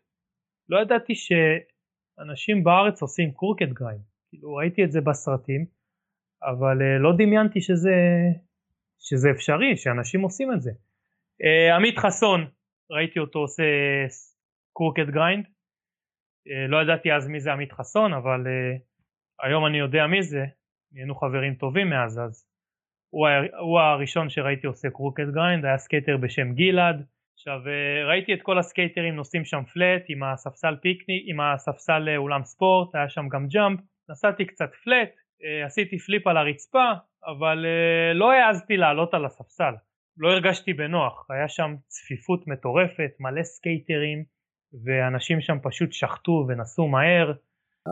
אמרתי לעצמי, אני יותר אמצא את עצמי בארבע מדרגות. ואז הלכתי לארבע מדרגות ואמרתי לעצמי ננסה את הארבע מדרגות ותמיד אני במחשבה שאני רוצה להכיר סקייטרים חדשים מחוץ לעיר בת ים כדי uh, להגדיל את המעגל שלי, להגדיל את הראייה שלי, לראות טריקים חדשים. אני זוכר שראיתי שם בחור גבוה שהוא לא נסע באותו רגע, כנראה שהוא היה פצוע, היה לו נקע ברגל, היה לבוש סקייטר, מכנסי baggies, היה לו גם סקנקן, כמו, ש, כמו שסקייטר היה צריך להיראות, וראיתי, הבנתי שהוא מהמקובלים שם, כי הוא עשה הרבה רעש, צעק yeah yeah לכולם, והבנתי שהוא מרכז העניינים. מה, לא היו שם סקייטרים מהספורטק? שבאת לא זיהית אף אחד מהספורטק? לא זיהיתי אנשים מהספורטק. עולם חדש. כן, עולם חדש, כן, זה היו, זה היו סקייטרים uh, של street. באותו יום אבי לוזיה לא היה. אולי ראיתי את זה שאמר לי לבוא לשם, uh, ראיתי שם את uh, טל זומר, רן גולן, אבל אולי זה בשלב יותר מאוחר. אבל פעם ראשונה שהייתי בגימנסיה הייתי די זר, כן. לא הכרתי שם אף אחד, אבל זיהיתי את עמי לבנה, את עמי לבנה כן ראיתי בספורטק. ועמי לבנה היה בחלק של המדרגות. אוקיי. Okay. בפלט עם ארבע מדרגות. אמרתי לעצמי אני מרגיש יותר בנוח במדרגות כי קרבים בבת ים לא היה. אז uh, נסעתי במדרגות, ראיתי שעמי לבנה עושה flip. אמרתי לעצמי וואו, הוא עושה flip, גם אני עושה flip, אז כאילו מה אנחנו באותה רמה? אבל אז מסתבר, הבנתי שכנראה הוא ניסה switch flip. Okay. כנראה, כן. בכל אופן אה, באתי למדרגות, עשיתי ollie, נחתי את ה ollie ואז עשיתי nollie shove-it 360 ועברתי את הארבע מדרגות ב nollie shove-it 360 ניסיתי flip הרגשתי שככה יש כיוון וככה מכה רביעית חמישית נחתי flip. Yeah. לא אשכח את הרגע הזה. אחד הפליפים הטובים שהיו לי ואיך שנחתי flip אני שומע yeah yeah yeah אותו משוגע שראיתי בצד בא אליי בריצה יא יא יא מאיפה אתה? וזה. אמרתי לו אני בבת ים. הוא אומר לי נעים מאוד יוני אטינגר. כן. איזה איש. אז זה, היה יוני אטינגר. זה בעצם הפעם הראשונה בעצם שנתקלתי ביוני אטינגר. ו, ומאותו רגע כל שישי הייתי מגיע לגימנסיה פשוט היה מקום מדהים זה כאילו הרגשת שאתה בקליפורניה למרות שלא ידעת באמת מה זה קליפורניה במשך uh, חצי שנה, שנה היינו נוסעים בגימנסיה okay. אוקיי. עד שחל מהפך שהיו מתחילים להתאמן שם אימונים של כדורסל mm. במגרש כדורסל ליד ואז כביכול הרעש של הסקטבורד היה מפריע לאימון כדורסל אז פשוט היו מעיפים אותנו. באסה. ואז uh, כולם אמרו אוקיי בואו, לא, בואו לגולדה ואז היינו נוסעים בגימנסיה עד שהיו מעיפים אותנו ואז היינו נוסעים לגולדה. זה, זאת הייתה הפעם הראשונה שלי בגולדה בעצם. היה יום מסוים שנסענו מהגימנסיה איזה 30 סקייטרים להרצליה פיתוח. שם ליד הטיילת היו קרבים ונסענו שם, קרבי משיש. זה גם היה יום מאוד מיוחד שאני לא אשכח אותו. המעגל סקייטרים שלי התחיל להתרחב. הכרתי שם את עמית הדיה שבזכות הגימנסיה נהיינו חברים טובים. עמית הדיה זיכרונו לברכה mm. שנפטר לא, לא מזמן, כן. אה, שם הכרתי, עדיין לא הכרתי את טטינגר בצורה קרובה. ראינו אחד את השני, הוא לחץ לי את היד אחרי שנחתי את הפליפ, אבל אה, אז הייתי ממשיך להגיע לספורטק, ואנחנו כבר מדברים על 96, אה, 97, הייתי מגיע הרבה לספורטק, זה כבר היה לפני שהתגייסתי, 97, אה, וכבר אז הייתי מתחיל לראות את אטינגר ועמית חסון לעיתים יותר קרובות. אוקיי. הם היו באים הרבה לספורטק בתקופה לפני הצבא, לפני שהתגייסתי הרבה, היה לי שמונה חודשים חופש. היית משתתף בתחרויות מסוימות בספורטק? היית הולך לשם? ב-97 הייתי בספורטק בתחרות, תחרות ראשונה שיצא לי לראות. לא השתתפתי. בעצם שם פעם ראשונה ראיתי את הסקייטרים של הגימנסיה מתחרים בתחרות בספורטק. אוקיי. איך קראו לתחרויות האלה או מה זה הסבב הזה או איך זה, איך זה עבד בכלל? שבעצם אה, אני זוכר אה, Duffs, נעלי Duffs נתנו חסות. אוקיי. אה, הייתה חנות אוקטופוס שהייתה מייבאת Santa Cruz ו... ונעלי Duffs. הם נתנו קצת פרסים. אה, פשוט שיתוף פעולה של רובי עם כל מיני חסויות. אה, אוקיי. אה, עשו תחרות ב-97, אני באתי בתור צופה, אוקיי. ראיתי את גלעד שם, ראיתי גלעד אגב גם זיכרונו לברכה אה, נפטר מקפיצה מצוק, אה, לא ניכנס לזה. אה, ראיתי שם את יוני אטינגר, ראיתי שם את אבי לוזיה, אבי לוזיה לקח ראשון בתחרות ב-97, אוקיי. עמית חסון לקח שני, אני זוכר הוא זכה בנעליים של Duffs, לא היו פרסים כספיים. לא, לא, אז לא היו פרש, פרסים כספיים. היו הרבה סקייטרים שהשתתפו אז? כאילו אותם ה-70 גם... 70 סקייטרים שהיו בגימנזיה פחות או יותר גם 70 סקייטרים לא, היו... לא, לא, לא, לא, אותם, אותם 70 סקייטרים שהיו בגימנסיה אה, לא היו נוסעים אה, רמפות, mm. לא רובם היו, אוקיי. ורובם לא היו נוסעים רמפות. אז כמה, מכמה מורכבת התחרות, אם יש תחרות עכשיו בספורטק? בתקופה הזאת שאתה מדבר עליה כמה אנשים פחות או יותר משתתפים? לדעתי היו 20 מתחרים. אה אוקיי, ממש קטן כזה. כן זה היה רק street, אה, היה שם ריילים, ריילים ישרים, ריילים ירידה, אה, ואנשים עשו שם 50-50 על rail, אה, smith grind ים על, על בוקסים בירידה, אבי לוזי עשה air 360 מ mini ramp לתוך בנק שבעצם נכנסה ל street ויצא ב air מטורף מ quarter ענקית ב backside air רק לוזי היה נוסע עליה כאילו אנשים בודדים היו עושים rock and roll או 50. אוקיי. ב-99 אבא שלי קנה לי מצלמת וידאו. אוקיי. אה, ואז בעצם התחלתי לצלם הרבה street בבת ים. הייתי מצלם, אה, הייתי דואג שיצלמו אותי, הייתי דואג אה, לתעד הרבה טריקים. יש את הצילומים האלה איפשהו? ביוטיוב? כן, יש, יש. צברתי במשך שנה מלא צילומים, ובאותה תקופה זה היה בקלטות. הקלטות של המצלמה היו בגודל כזה, אוקיי. ואז היה צריך להעביר אותם לוידאו לקסטה כזאת. אוקיי. לערוך וידאו זה היה כאילו משהו שונה ממה שאתם מכירים היום. אין בסביבות שנת העתק הדבק. 99, לא, לא. אמרתי לעצמי אני רוצה לערוך סרט. סרט uh, שלי יהיה פארט, לאבישי חבר טוב שלי שככה גדלתי עליו ולמורן. מורן חסון? חסה? כן, אה, כן. אז כן. גם מבת ים. אה, הוא, הוא גדל בראשון אה, אוקיי. אבל הכרתי אותו דרך עמית עדיה שהכרתי בגימנסיה ועמית עדיה היה בראשון אוקיי. ואז כבר התגייסתי ב-99 והיה רישיון נהיגה. והכרתי את מורן שהוא היה בן 16 אוקיי. התחלנו לנסוע, התחלתי לנסוע הרבה בראשון street. באותה תקופה בשביל לערוך סרט זה היה משהו מהסרטים. היית צריך שתי וידאו מלא כבלים של אה, בננות וכבלים של, אה, של סאונד ומערכת סטריאו. זה בעצם הכלים שהיית צריך בשביל לערוך סרט וידאו עכשיו החדר רק שלי בבת ים רק לדעת על זה כי לא היה אינטרנט אין לך כן. יוטיוב שאתה נכנס ואתה לא. אומר איך אני עושה סרט איך אתה יודע בכלל מה אתה עושה. אז ידענו שלהקליט מקסטה לקסטה צריך שתי וידאו וטלוויזיה כי אוקיי. ככה היינו מקליטים סרטי סקט בין החברים. ברגע שהמצלמת וידאו משדרת לטלוויזיה, אני הייתי לוחץ רקורד בווידאו. אוקיי. אז בעצם הקלטתי את כל הקלטות של המצלמת וידאו לתוך קלטת אחת של וידאו. זה אומר שהייתה לי קלטת וידאו עם כל חומר הגלם. עכשיו הייתי שם את הקלטת הזאת שהיא חומר גלם בווידאו אחד ובווידאו אחר הייתי שם קלטת ריקה.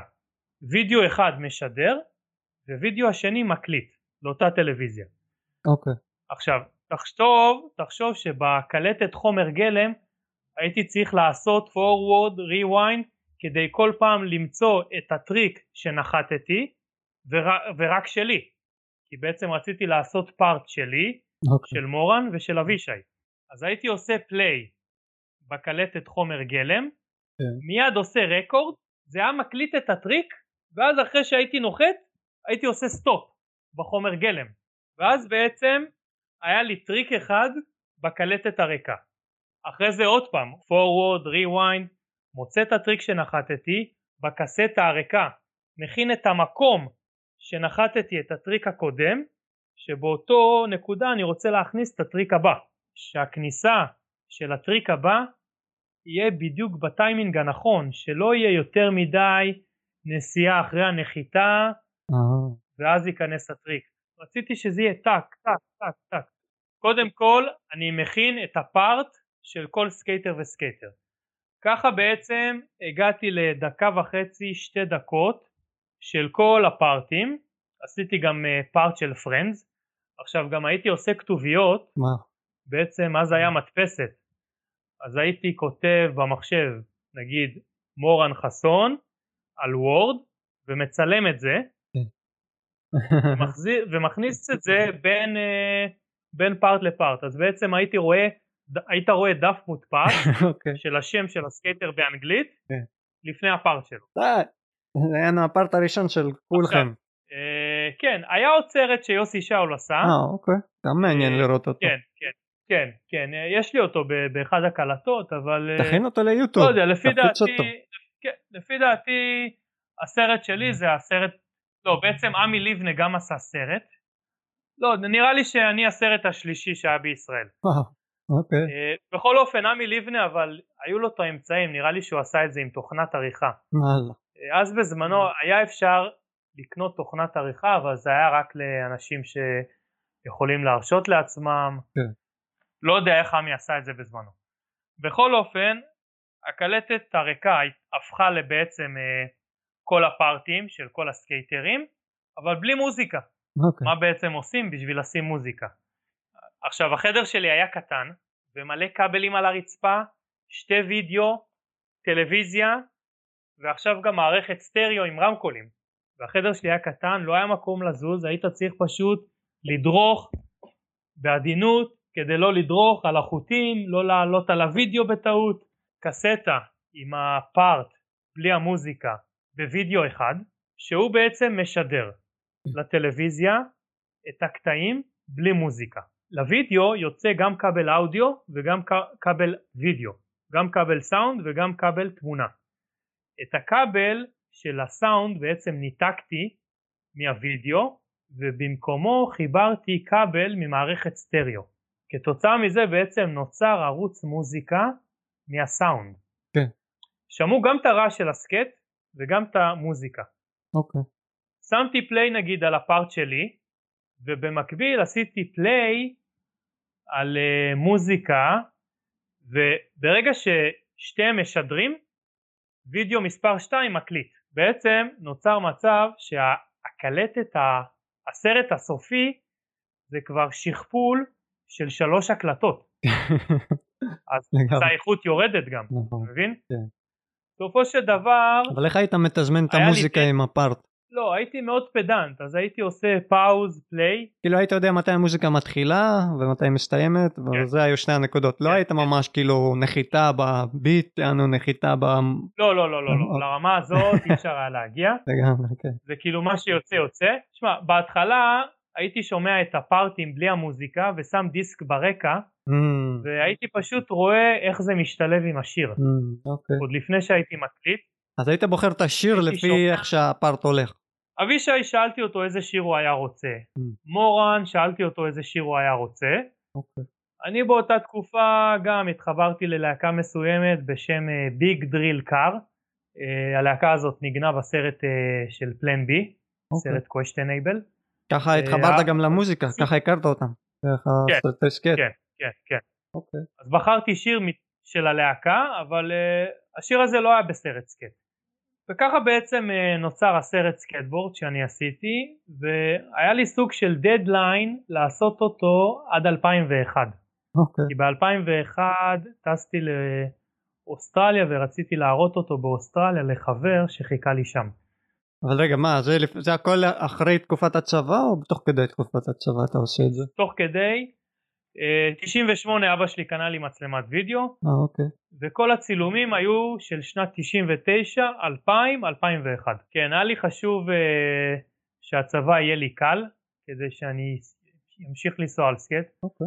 היה לי חשוב, מאוד פחדתי שהרמה שלי בסקטבורד תרד, היה לי חשוב להמשיך לנסוע על סקטבורד, הייתי מאוד אובססיבי לגבי סקטבורד, והייתה תקופה שעשיתי שבוע שבוע בצבא, כן.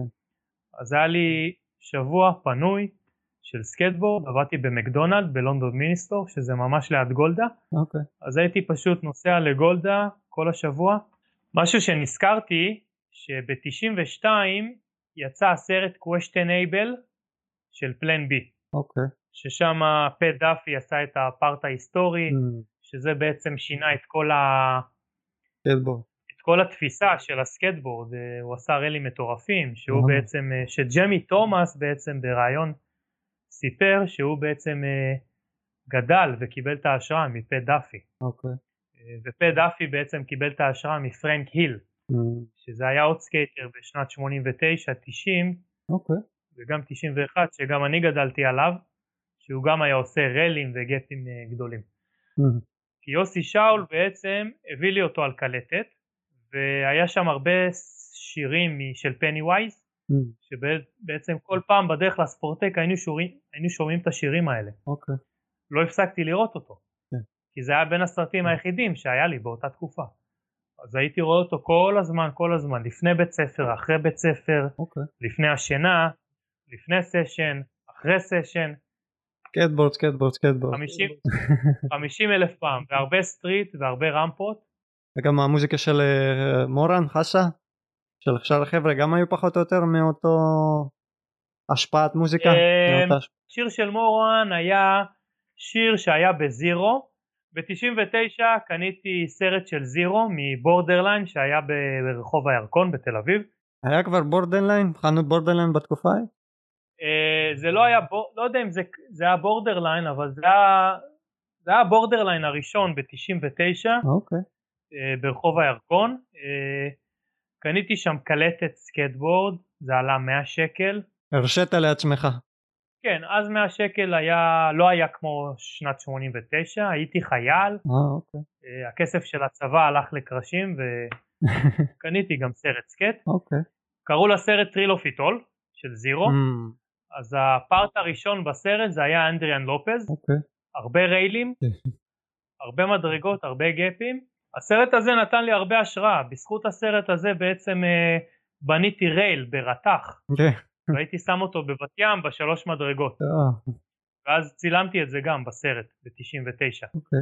אז בעצם השיר ששמתי למורן ב- בסרט, ב part שלו, זה היה אה, שיר של אדריאן לופז בסרט זירו, Thrill of It All, שזה היה של הרולינג סטונס.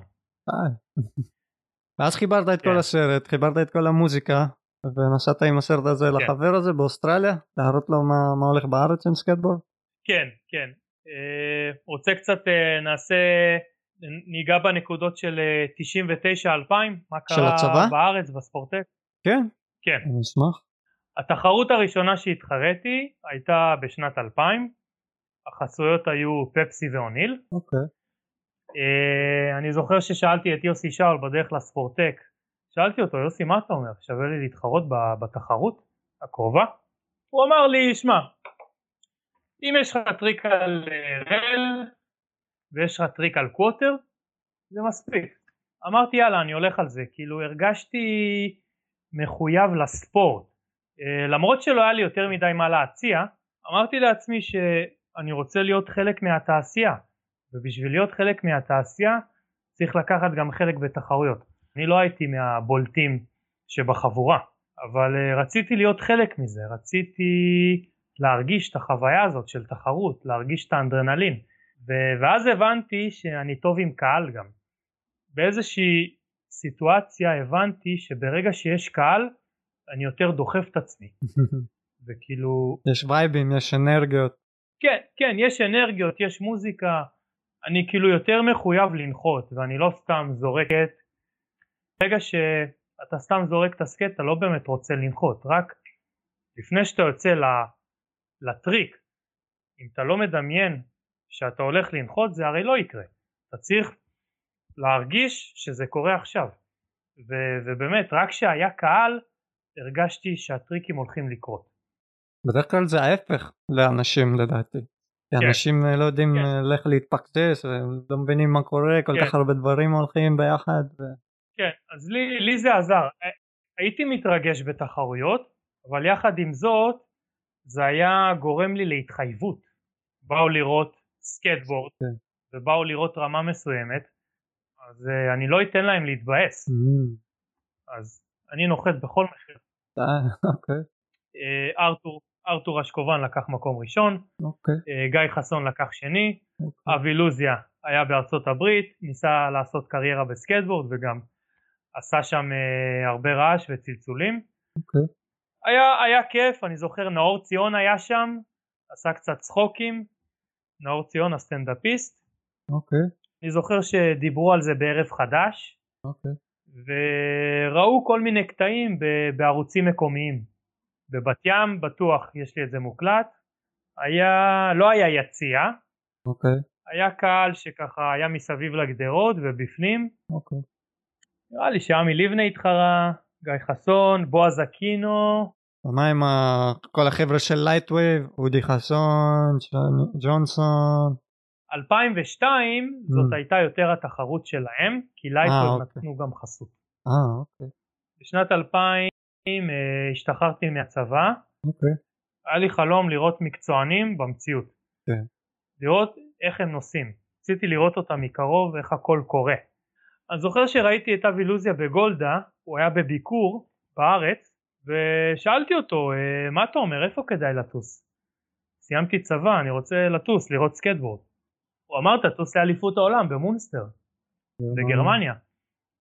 שם אתה תראה את כל המקצוענים, כי כולם באים לשם מארצות הברית, בעיקר מארצות הברית. כן. זה היה נחשב לאליפות העולם בסקטבורד. Monster Mastership. אז בשנת 2000 נסעתי לתחרות עם עמית אדיה ואסי ברנר שהיום הוא מקעקע באנגליה. פגשנו את לוזיה בהולנד, הוא גם הגיע לשם, הוא כאילו הגיע מטעם אה, חברה אמריקאית, ליטול. ומהולנד לקחנו רכבת אה, לגרמניה, לדורטמונד. אני זוכר שמונה בבוקר, חיכיתי ראשון בשער לקנות את הכרטיסים. הייתי הראשון. וואו. ואלה שטסתי איתם מישראל עוד היו במלון. הם אמרו אנחנו נבוא 11-12 לא בוער. אני מחכה בתור, בינתיים אה, באים מאחוריי אנשים. כל השנים האלה הייתי קונה אצל Intersurf קרשים של Powell וכל פעם הם היו מקבלים מגזינים קטנים של Powell וכל פעם הייתי רואה שם את וללי. מזה גם באה בא השראה על וללי. והוא גם היה כותב שם הרבה כתבות, מייק וללי לאותו מגזין של Powell. ובאחד המגזינים הייתה תמונה של הבת שלו. זכרתי את התמונה של הבת שלו ופתאום ראיתי ילדה שאמרתי לעצמי בלב היא מוכרת לי ואז מטר מאחוריה פתאום אני רואה מישהו הולך ככה עם הקעקוע כן. ואז אני אומר וואו זה fucking מייק וללי הוא היה עם, אה, עם אשתו והבת שלו אה. והוא אומר זוזו זוזו זוזו באנגלית ככה תפנו. ככה נתנו לו לעבור. כן כן. ואז כאילו ראיתי פעם ראשונה את מייק וללי וממש ממש זה היה קטע מרגש. המשכתי לחכות בתור פתחו את הקופות קניתי כרטיס. איך שקניתי כרטיס ישר לא יודע רצתי ראיתי דלת איכשהו נכנסתי בדלת אני נכנס פתאום אני רואה את כל האולם ואת כל הרמפות ממש בגובה העיניים שלי. לא הבנתי מה, איך נכנסתי לשם. בעצם נכנסתי לדלת של הצלמים והכתבים. ישראלי לא עד הסוף. ישראלי... אני לא יודע איך זה קרה. פשוט אה, מרוב, ה, מרוב כן. התשוקה שהייתה לי, כן. לא יודע, באותו רגע השומר, לא יודע מה, אולי הלך לשירותים, פשוט לא היה שם אף אחד. זה ל-VIP. פשוט נכנסתי, כן, ופתאום אני רואה את עצמי ברמפות, אני רואה אותי יכול, אני, אני, אני בעצם מבין שאני יכול ללכת על הטייבלים ולהסתובב ליד ה coping ועמדתי על הפירמידה ועל ה table של, ה, של ה, איפה שלוקחים תנופות ופשוט וללי פה לידי ומלא סקייטרים, קריסטיאן סוויטק אז ראיתי אותו ולפני זה ראיתי את אנדי מקדונלד משחק סקייט עם אה, טוש, טוש טאונד מבחוץ. משחקי סקייט היה גם ו... חזקים בתקופה ההיא? חשבתי זה נכנס מאוחר יותר. אה, הם, שיח, הם שיחקו ככה בשביל החימום. Mm.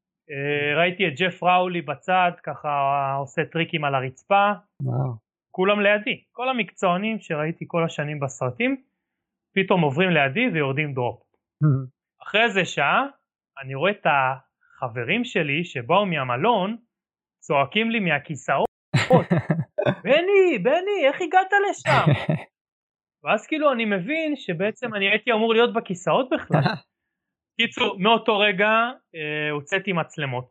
הייתה לי מצלמת וידאו שאבא שלי קנה לי ב-98, הייתה לי מצלמת תמונות, עם תמונות מאוד איכותיות גם. אה, כל אחד היה על כתף אה, אחרת, והתחלתי לצלם וממש להסתכל מקרוב על כל הסקייטרים, ועליתי על הוורט והסתובבתי מהוורט לסטריט. עברו כבר כמה שעות והייתי חייב כבר לשירותים והייתי חייב לאכול משהו. עכשיו אמרתי לעצמי אם אני יוצא מפה עכשיו אני לא חוזר אבל uh, לפני זה אמרתי אני חייב כאילו לוודא ולהבטיח לעצמי שאני יכול לחזור מהשער הזה. ואמרתי לשומר שמע אני הולך לשירותים כי אני כבר כמה שעות מצלם ואני חייב לאכול משהו. אתה תזכור את הפנים שלי אם אני אחזור? כי אין לי צמיד או משהו כזה. הוא אומר אין בעיה אין בעיה. אז הוא שם לי צמיד. ואז קראתי לחבר'ה שהיו בכיסאות. אמרתי להם בואו בואו בואו ננסה להכניס אתכם אז באתי לאותו שומר אמרתי לו אפשר להיכנס הם איתי הוא אומר כן בכיף. והוא הכניס אותנו. ולא יודע, פשוט הוא חשב שאני צלם והם קומבינה הצוות שלי. עד הסוף. קומבינה קומבינה. כמו שרק בישראל. אה? קומבינה כמו שרק כן, בישראל. כן, כן, והוא גם שם להם צמידים. אה, ולמחרת גם נכנסנו עם הצמידים האלה גם לתוך ה-VIP ופשוט אה, הייתי בתוך, הר... בתוך התחרות של הוורט אה, ישבתי על ה table הצטלמתי עם אנדי מקדונלד הצטלמתי עם אה, גרשון מוזלי גרשון מוזלי היה סקייטר הוא היה ב Powell Peralta בשנים הראשונות אחרי זה הוא היה בחברת אייטי היה לו טריקים משוגעים על מיני ramp, על רמפות. הוא היה כמו דיוון סונג כזה. כן הוא היה טוב על מיני רמפה. הוא היה עושה הרבה סוויצ'ים switch feeble grind Mm. switch smith grind על קרבים על פלטברים מ- הוא היה מאוד טכני. והוא היה גם uh, עם מבנה גוף מאוד uh, כן. אתלטי כן. אז היה לו, הוא, היה, הוא שם הרבה כוח הוא היה מכניס הרבה כוח לסקייטבורד שלו וגם הרבה טכני Mm, פגשתי את מייק וללי אוקיי. הצטלמתי איתו אמרתי לו שאני מישראל וככה נשמח לראות אותו הוא נתן לי מדבקות במתנה Hmm. היה חוויה לראות את כל ה vert גם והייתה, ואיך אה, לוזיה שמה? איך הוא השתתף? פגשת אותו שם גם? פגשתי כמובן את אבי לוזיה, צילמתי את כל הראנים שלו, אגב יש לי את הראנים עד היום במחשב, תעלה אותם ליוטיוב. כן, לך... הכל מתועד. אה, כן, אני צריך, אני צריך. שכולם יראו, כן. לשתף. אה, זה היסטוריה, מעניין. אבל אה, הדבר הכי מרגש שהיה בתחרות הזאת זה, זה ה best trick בעצם. אז אה, אגב באותה תחרות אריק קוסטון ניצח, Mm. בסוף היום, סוף הראנים של כולם, עשו best trick, בעצם על אה, rail שמתחיל מה table של ה vert, rail בסדר גודל של 14 מדרגות, שהנחיתה זה לתוך בנק. אוקיי. די תלולה. אנשים עשו שם אה, feeble grind, smith, עוד בראנים עצמם, כאילו Mm. ככה הם התחילו את ה run. אבי נגיד התחיל את ה run ב-ollie one foot מעל ה rail הזה לתוך הבנק. אז ה best trick היה מאוד מרשים, מאוד מותח. היה שם את הברזילאי שאין לו רגליים והוא עשה 50-50 או, ובסטיאן סלבנזי. היה אז בן 14 הוא עשה flip ל frontside boardslide? כן flip ל boardslide אה, אוקיי. flip כן. frontside זה בגללו התחלתי flip ללמוד flip front boardslide. הוא הביא לי את ההשראה כן, אז הוא הזאת. עשה flip frontside boardslide ל fakie על הבנק וואו. ראיתי את אבי לוזיה ככה בודק את השטח. לוקח מהירות וחוזר אחורה לוקח מהירות חוזר אחורה. פתאום אני רואה שהוא נותן מכה nose bluntslide מכה חמישית שישית nose bluntslide נוחת מושלם על הבנק עובר בשיירה של מלא סקייטרים צלמים וכתבים. כל הקהל שואג בשיגעון. ואני מהצד מסתכל אני אומר לעצמי באותו רגע וואו וואו וואו כאילו ישראל באותו רגע על המפה יש. אבי לוזיה מישראל out of nowhere לגמרי. אף אחד לא הכיר אותו כן. בא עושה נוז בלנד סלייד נוחת מושלם כמו מלך יא. וההרגשה הזאת שהוא עובר בין כל הצלמים ובין כל הכתבים כמו ים סוף שנפתח. גדול. בדיוק גדול. ככה. ואני באותו רגע התרגשתי בטירוף. עמית עדיה ז"ל צילם את התמונה של אבי בנוז בלנד סלייד Mm, יש לי אותה במחשב וצילם אותה טוב. זה אז היה עם פילים. Mm, לא היה פה יותר מדי מכות. זה מכה אחת. כן. לצלם ללחוץ בזמן. והוא צילם את זה כמו שצריך ו- וזה קיים. וכמובן שאחרי זה יצאו מגזינים ו... והוציאו את זה כתמונה מקצועית על מגזין באופן כללי זה היה טיול של התחרות גרמניה והולנד וכמובן נסענו סקייטבורד בכל מיני סקייט פארקים באזור ו- ואז אה, חבר אה, ברנר, אסי ברנר, טס לאוסטרליה הגיע שנת 2001 הוא עדיין היה שם אוקיי. והוא פשוט שכנע אותי לבוא לשם כי הוא כל פעם סיפר איזה מגניב שם ויש שם מיני רמפה לחוף בבונדי ביץ'. ומלא סקייט פארקים מבטון אוקיי. תמיד הייתה שאיפה להגיע לארצות הברית אבל גם. ידעתי שאוסטרליה זה משהו שלא תמיד יהיה אפשר להגיע לשם כן. וזו הזדמנות שיש לי שם מישהו שמחכה לי ואיך אה, חסכת כסף? היית עובד אמרת במקדונלדס ומהצבא? אה, אחרי הצבא עבדתי בעבודה מועדפת מהמם. באיזושהי חברה, חברת ECI, שהם אה, ייצרו מעגלים חשמליים. אתה כבר בא עם הניסיון עם הוידאוים, אתה יודע כבר כבלים והכל, אתה יודע. לא, שם לא היה צריך להיות 아, כל אוקיי. כך אה, גאון. עבודה פשוט של מכונות, להכניס כל מיני חלקים למכונות, משמרות לילה, אבל שילמו טוב. אוקיי. ובתור חייל משוחרר לא הורידו מס הכנסה. אוקיי. אז מה שהרווחת היה נטו לבנק. שנה אתה לא, מש... לא משלם מס הכנסה. אוקיי. אפריל 2001 כן. החלטנו לטוס לאוסטרליה. הגענו להחלטה הזאת אני ומורן ביחד. התוכנית הייתה לטוס לאוסטרליה ובחזור לעבור דרך גרמניה כדי להיות עוד פעם במונסטר 2001. אני, אני התאהבתי באוסטרליה, איפה היית שם? תוך חודש הייתי בסידני, בעיקר בבונדי ביץ', בביירון ביי, אה, ובעצם עשיתי טיול לאורך כל החוף, מסידני עד אה, ביירון ביי. הייתי עם אורן חודש ועם אסי ברנר חודש באוסטרליה, נסענו הרבה סקייט פארקים, פגשנו שם את ג'ייסון דיל, הוא גם הגיע לשם ל tour, פגשתי שם את מאט ממפורד, יום אחד פשוט נתקלתי בו ברחוב, ואז הוא אמר לי תבוא ל mini ramp עוד מעט, יש session. יאללה. ופשוט היה, היה שם session מטורף על ה mini ramp עם אה, טוני טריחיליו. מאט ממפורד, ג'ייסון דיל, ג'ון קרדיאל, מקס שף, הם פשוט באו לצלם אה, פרק ל-411. היה כאילו סדרה של On Video, אז היה פרק על אוסטרליה. מקס שף שפגשתי באוסטרליה, פגשתי בגרמניה. בתחנת. רכבת.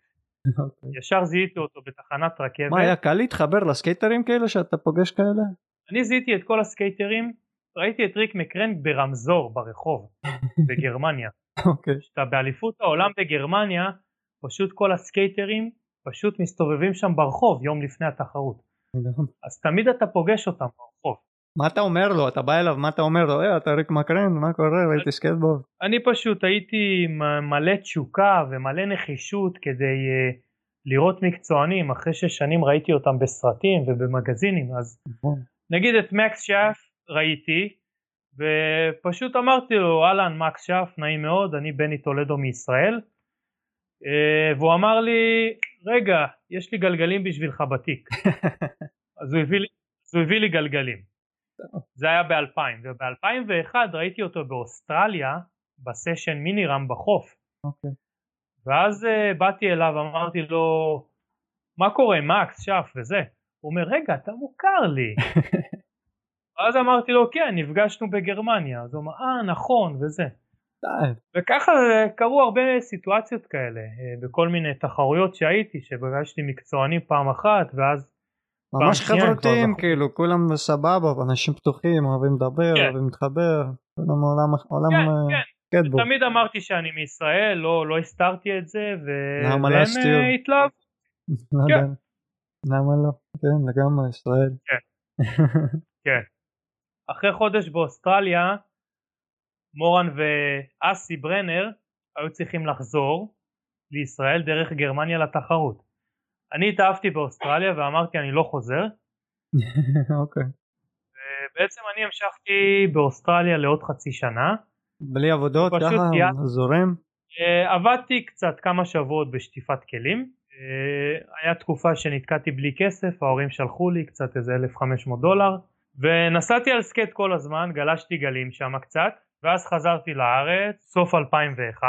הנה מתחילה תחרות. תחרות עם היציאה. כן, אחת התחרויות הכי גדולות, עד היום, עד היום זאת באמת, אה, אפילו יותר מהדיזינגוף. סנטר של רדבול. יכול להיות שזה השתווה. קשה, קשה להשוות, אתה יודע, כן זה... אין אה, סטטיסטיקה מדויקת. נכון. אבל לפני התחרות בספורטק היה את הרדבול הראשון. רדבול סטרידוג 2002 הייתה בגולדה בעצם ברחבה של אה, מוזיאון תל אביב. מי שבנה אותו זה אורי סגל. הוא היה לו עסק? של רמפות? לא יודע איך הגיעו אליו Mm. אבל אה, רדבול שם היו מעורבים. רדבול אז בזמנו היו קשורים לבועז אקינו ואיכשהו יצא שאורי סגל בנה את הרמפות. אוקיי. אפשרו לנו לבוא יום לפני להתאמן ו- אז בעצם הייתה אווירה מטורפת כאילו בתל אביב אה, הסקייטבורד היה מאוד גדול אז אחת החנויות ששלטו זה, זה לייטווב פרי סטיילר לא בתמונה. אה, כל האינטרסרף לא, לא לא, בתמונה. אוקיי. פחות, פחות. אה, באותה תקופה לייפוב בעצם אה, הביאו את המותגים הכי עכשוויים שהיו בארצות הברית באותה תקופה ופאוול פרלטה שאינטרסף היו מביאים כבר היה פחות אה, רלוונטי. וואלה. זה, זה כמו משחק בורסה אחי מי שמביא את הכי חם מנצח אחי. ניירות כן. ערך רק עם קרשים אחי. ובעצם אה, בתחרות הזאת שנרשמתי אה, רשמתי אה. בטופס רישום בני וללי. נכון. בשבילנו זה היה גן עדן, תחרות סקייטבורד באמצע הרחוב, כן. בלב של תל אביב. גולדה. זה, זה נראה לי הסקייט פארק כן. הראשון שאני נסעתי עליו, כאילו אף פעם לא היה לו לא הסקייט אתה פארק. התחרית שם? כן, אני, זה ההתחלה שלי, זה ההתחלה של הסקייטבורד. היה ילדים, ואני לא ידעתי לאיפה אני הולך, מה יהיה שם, איך זה נראה. אני זוכר, עשיתי אולי מהבמה, שזה היה השיא, כן, מי שקופץ מהבמה בתור על הרצפה. ילד. איפה שהמנחים כן, כן, בעצם כן, עמדו. מהמנחים, היה זה היה במה לרצפה. בדיוק, אז זה היה השיא שהילדים עשו, כאילו נראה לי ראיתי מישהו עושה וגם חשבתי על זה, אז כאילו הרבה עשו את זה מן הסתם. ועוד איך שאמרתי תוך כדי זה נשלב עוד heel flip על בנק ל fakie כאילו על בנק קטנה כזאת שגם הייתה שם בפינה. אז זה heel flip ל fakie כזה נגעתי עם היד נחתי sketchy כזה רובי נחשב וירדתי. כן. אני בת- בתחרות הזאת אה, לא היה לי יותר מדי אה, מה להראות כן. מעצמי. אממ. אז ב run השני אמרתי לכמה חבר'ה שיחזיקו לי את הדיקטים על אחד הקווטרים שזה יהיה צמוד ל- ל coping ופשוט ה run השלי שלי היה wall ride עד שפשוט נחתתי כאילו כל מיני ניסיונות של ה wall ride כל פעם לעלות כמה שיותר גבוה עד שנחתי ו- והרגשתי באותו רגע כמו מייק וללי ש... בדיוק, כן באתי להגיד את זה. בשואו, הוא בשואו שנותן וול רייד. כן לגמרי. נכנסת לדמות. לבני וי. ושמייק וללי בעצם אה, עולה לרן זה, זה הרבה הצגה, זה, זה הרבה שואו, הוא, הוא מתקשר עם הקהל, הוא עושה להם ככה, שירימו לו, ש, ש, שיצעקו, והמנחה גם זורם איתו, והוא. מרים את הקהל בשבילו. Yeah. אז uh, באותו רגע נכנסתי לדמות סוג של מייק וללי והחזיקו לי שם את הוול רייד ו- ונחתתי ו- Yeah. והרגשתי טוב עם זה. נראה לי גם ארתור הרים לך, אני זוכר הוא עשה הרבה רעש. כן. היה לי ממש כן, זה, ואני אני רואה אותך שם quarter quarter מעורפל כזה, אבל יש מצב, אני נזכר כן. בזה כזה עכשיו, אם אתה מזכיר את זה. כן, יש תמונה של זה וכן, זה, זה היה כאילו רגעים של... אה, הרגשתי דק, כמה דקות של אה, רגעי תהילה. זה, זה היו רגעים כאלה של, אה, של תהילה, כי גם באו סקייטרים מבת ים שצעל, שצעקו לי מהקהל, בני וי, בני וי, ובאותו יום פשוט באתי הביתה ממש בסיפוק אדיר עם הרבה אדרנלין ו- ו- ורג- ורגש ורגישות והרבה התרגשות כן. מאותו אירוע. אה, כתגובה לתחרות של סטריט דוג הראשונה ב-2002 רובי היה צריך לתת איזשהו סוג של מענה ואז בעצם הוא עשה את התחרות הכי גדולה בהיסטוריה Mm. בספורטק או, ב-2002. אז זה עכשיו התחרות עם היציע. רובי בעצם הרגיש שהוא חייב לתת איזשהו חותם של אירוע יוצר דופ, יוצא דופן בקנה מידה מאוד גדול בהשוואה לרדבול שגם היה אירוע מאוד גדול, כן. אירוע מאוד uh, חד פעמי שנראה אז בישראל. לגמרי. ואז בעצם אנחנו עוברים לתחרות 2002 בספורטק בתל אביב. אז בעצם זאת הייתה תחרות street, רק street, לא רמפות. אה, בועז אקינו השתתף, יונתן קדם, אודי חסון, אה, אבי לוזיה, רובי היה המנחה של התחרות, עומר גלברד גם השתתף, כן. יוסי שאול גם התחרה אוקיי. ב street, הנה. כן, אה, יוני אטינגר, היו מלא צלמים, כל השמות אחי, כל ה... כן. אה, יש סרטון וידאו של זה. בדוק, נראה לי ראיתי. אה, מקום ראשון היה 5,000 שקל מקום אה, וואו. ראשון, אבי לוזיה לקח והיה best trick 1,000 שקל גם. יואו. אה, ב best trick גם עשיתי wall ride על איזשהו פלטה שהחזיקו לי ב quarter Mm, זה היה תרגיל הבית שלך? ל fakie, wall ride fakie. כן, כן, זה משהו שיכולתי להכניס והוא היה שונה מאחרים ו... הייחודיות שלך. זה גם כן, אה, כמו שהתחלת כן, אה, לספר שהיית אוהב לנסוע wall ride וראית את הרמפה ל wall ride כן. וזה איכשהו נחרט לך במוח ואהבת לעשות wall ride ים. כן, שמע, הסקייטבורד לא בא לי בקלות, אז אני מצאתי לעצמי את הנישה שלי שבה אני מרגיש את הנוחות הזאת ואני יכול איכשהו לבלוט כן. ו- ולגרום לבן אדם לקבל איזשהו, איזשהו סוג של השראה. מי לקח אבי לוזיה הראשון? יוני, יוני קדם, ג'ונסון. בכינוי ג'ונסון, לקח שני, כן, זוכר היה עושה nollie אה, בוא- lipslide, backside, nollie backside lipslide כן. nollie lipslide, אני זוכר, היה עושה. בועז אקינו לקח שלישי, שלישי. יוסי שאול אני זוכר קיבל גביע של מקום חמישי או שישי, אה אוקיי.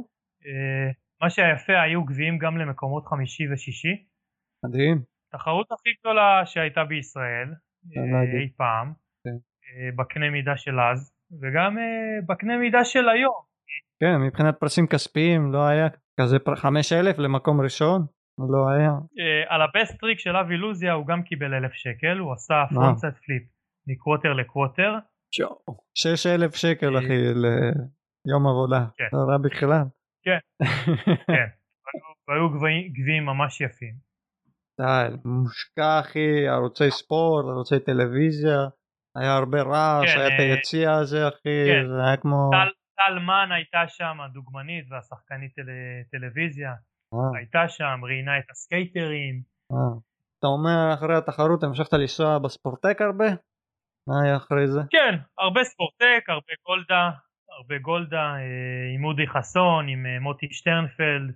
הם כבר, הם סקייטרים סקייט של. בת ים. אודי חסון, שטרנפלד, כן? לא, אודי חסון מבת ים, כן, הייתי בא לאסוף אותו, למרות הפרש של עשר שנים ביני לבין אודי חסון, כן. אה, היינו מאוד קרובים, אני הייתי אוסף אותו, כן. אה, כל שישי נוסעים לגולדה, וואו. ולונדון מיני סטור אחרי גולדה, השבע מדרגות, ואז ספורטק. איך, איך היית מתפרנס באותו, באותה תקופה? או הלכת ללימודים? עשיתי איזשהו קורס בתחום המחשבים, אוקיי. שנקרא ניהול רשתות. ואחרי אוסטרליה לא מצאתי את עצמי, חצי שנה לא עבדתי, ואז אה, קרוב משפחה סידר לי עבודה בחברת הייטק. אז מ-2003 עד 2007 עבדתי באיזושהי חברת הייטק, בתפקיד זוטר בתחום המחשבים. עם המשכורת הראשונה שלי בהייטק אה, בעצם עשיתי מנוי לכל, הח... לכל החיים בספורטק. מה? לכל החיים? כן, כן, זה משהו שגיא נילס תיווך ביני לבין רובי. יותר לא דיברו איתי מאותו רגע, הייתי נכנס, נוסע כמה שעות שאני רוצה, יוצא, נכנס, יוצא, נכנס. כי לפני זה הייתי משלם 20 שקל לשעה, נכון. ואז תוך שעה היו אומרים לי לצאת. הרגשתי חלק מהבית ברגע שעשיתי, זה היה נקרא מנוי לייף. אה, רובי בנה גם את ה skate park ברעננה, אז גם הייתי יכול Mm. להיכנס לשם. וואו. אוקיי. אוקיי. וככה באמת השתפרתי ולמדתי הרבה תרגילים חדשים. היית נוסע כאילו על הכל או היה לך עדיפויות על הרמפה או על ה street? הייתי נוסע הכל, הייתי נוסע הרבה street ותמיד אה, השארתי גם מקום לרמפות כי תמיד האמנתי שסקייטר צריך אה, לנסות את כל האופציות שהסקייטבורד יכול לספק. היה כזה overall. אה, לא היה לי הגיוני, כן, לא היה לי הגיוני להתמקד רק בדבר אחד. אז זה היה עבודה, ספורטק, ספורטק, עבודה. כן, ואז 2003 היה רדבול סנטר. שם השתתפת?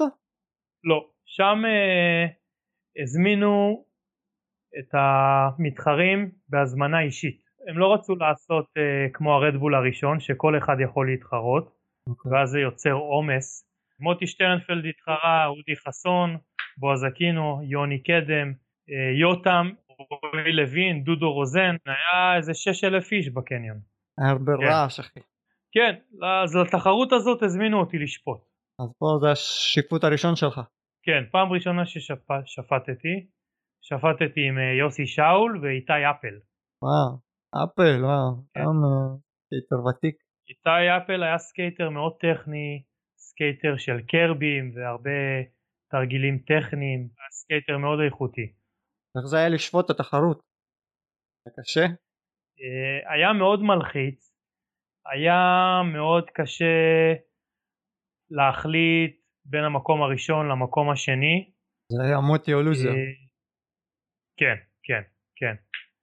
היו על זה הרבה חילוקי דעות, היו, הרבה, כן. היו על זה הרבה רכילויות גם. כן. כמו בכל תחרות אחי, או בכל ספורט, כן, זה, לא, כן, זה לא משהו כן. חדש.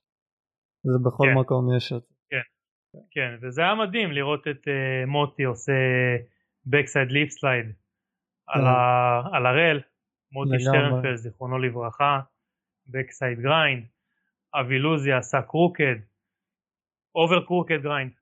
כן, היו לגמרי שם תרגילים אגדיים כן, לתקופה כן, של הארץ. כן, כן, יש את זה בווידאו ואני מסתכל על זה מדי פעם, לא יודע מתי פעם אחרונה הסתכלתי, אבל זה, זה תמונות שחקוקות לי בראש. קצת אחרי זה, ב-2004, באמת היה את הקיסריה, ששם גם uh, שפט. והיה גם סטריט דוג של וידאוים. בועז אקינו לקח, בועז אקינו לקח. עד גיל 16 פרננדס, ובועז כן. לקח את כל התחרות. כן, ורון ארז אה, היה לו פארט מדהים. איפה הוא השתלב בסצנה שלך, שאתה גדלת, רון ארז? את רון ארז ראיתי פעם ראשונה בגולדה, סביבות uh, שנת uh, 95, 6, 7. Mm-hmm. הוא היה פשוט נוסע מדהים, באותה תקופה הוא היה מנקה חלונות בלונדון מיניסטור. אז יום אחד הוא בא עם uh, דלי, מג"ב, של אחרי עבודה, ופשוט נסע נסע נסע, דפק אולי עם הדלי ועם המג"ב לווילי על הקרבים. היה לו שליטה מטורפת. עד היום, עד היום הוא נוסע על סקייט. הוא פרופסור למתמטיקה, הוא מרצה באוניברסיטה, הוא מעביר כן. קורסים ושיעורים. כן. זה כבר בשלב מאוחר יותר, אני מנחש, אחרי הדלי והמג"ב. כן, כן, אבל הוא, הוא באמת, כשראית אה, אותו בגולדה ראית אמריקה. וואו. היה לו באמת אה, ollie יציב ו flip מהיר וכל העלייה שלו לקרבים היה מאוד מאוד מקצועי. מעניין מאיפה ההשראה שלו, גם איתו הייתי רוצה לשבת כן. לשיחה. בסרטונים מה היה לך השתתפות איזה ש... הייתי שופט. היית שופט קבוע כן, כן, למרות ש... היו משלמים לך על זה או בהתנדבות? לא, לא, לא, היו משלמים. מבורך, מבורך כן, לגמרי. כן. זה משהו שצריך לשלם עליו, זה עבודה. עכשיו ב-2004 גם הייתה, הייתה תחרות במוצקין אם אתה זוכר. מוצקין, הפארק הזה רובי בנה אותו, אבל זה לא היה של רובי. הוא בנה את זה בשביל העירייה, אוקיי. אה, מישהו תפעל את זה שם, העירייה אולי. אוקיי. היה ספיין שמורכב מעוד אה, מיני רמפ שהתחברה אליו בהיפ.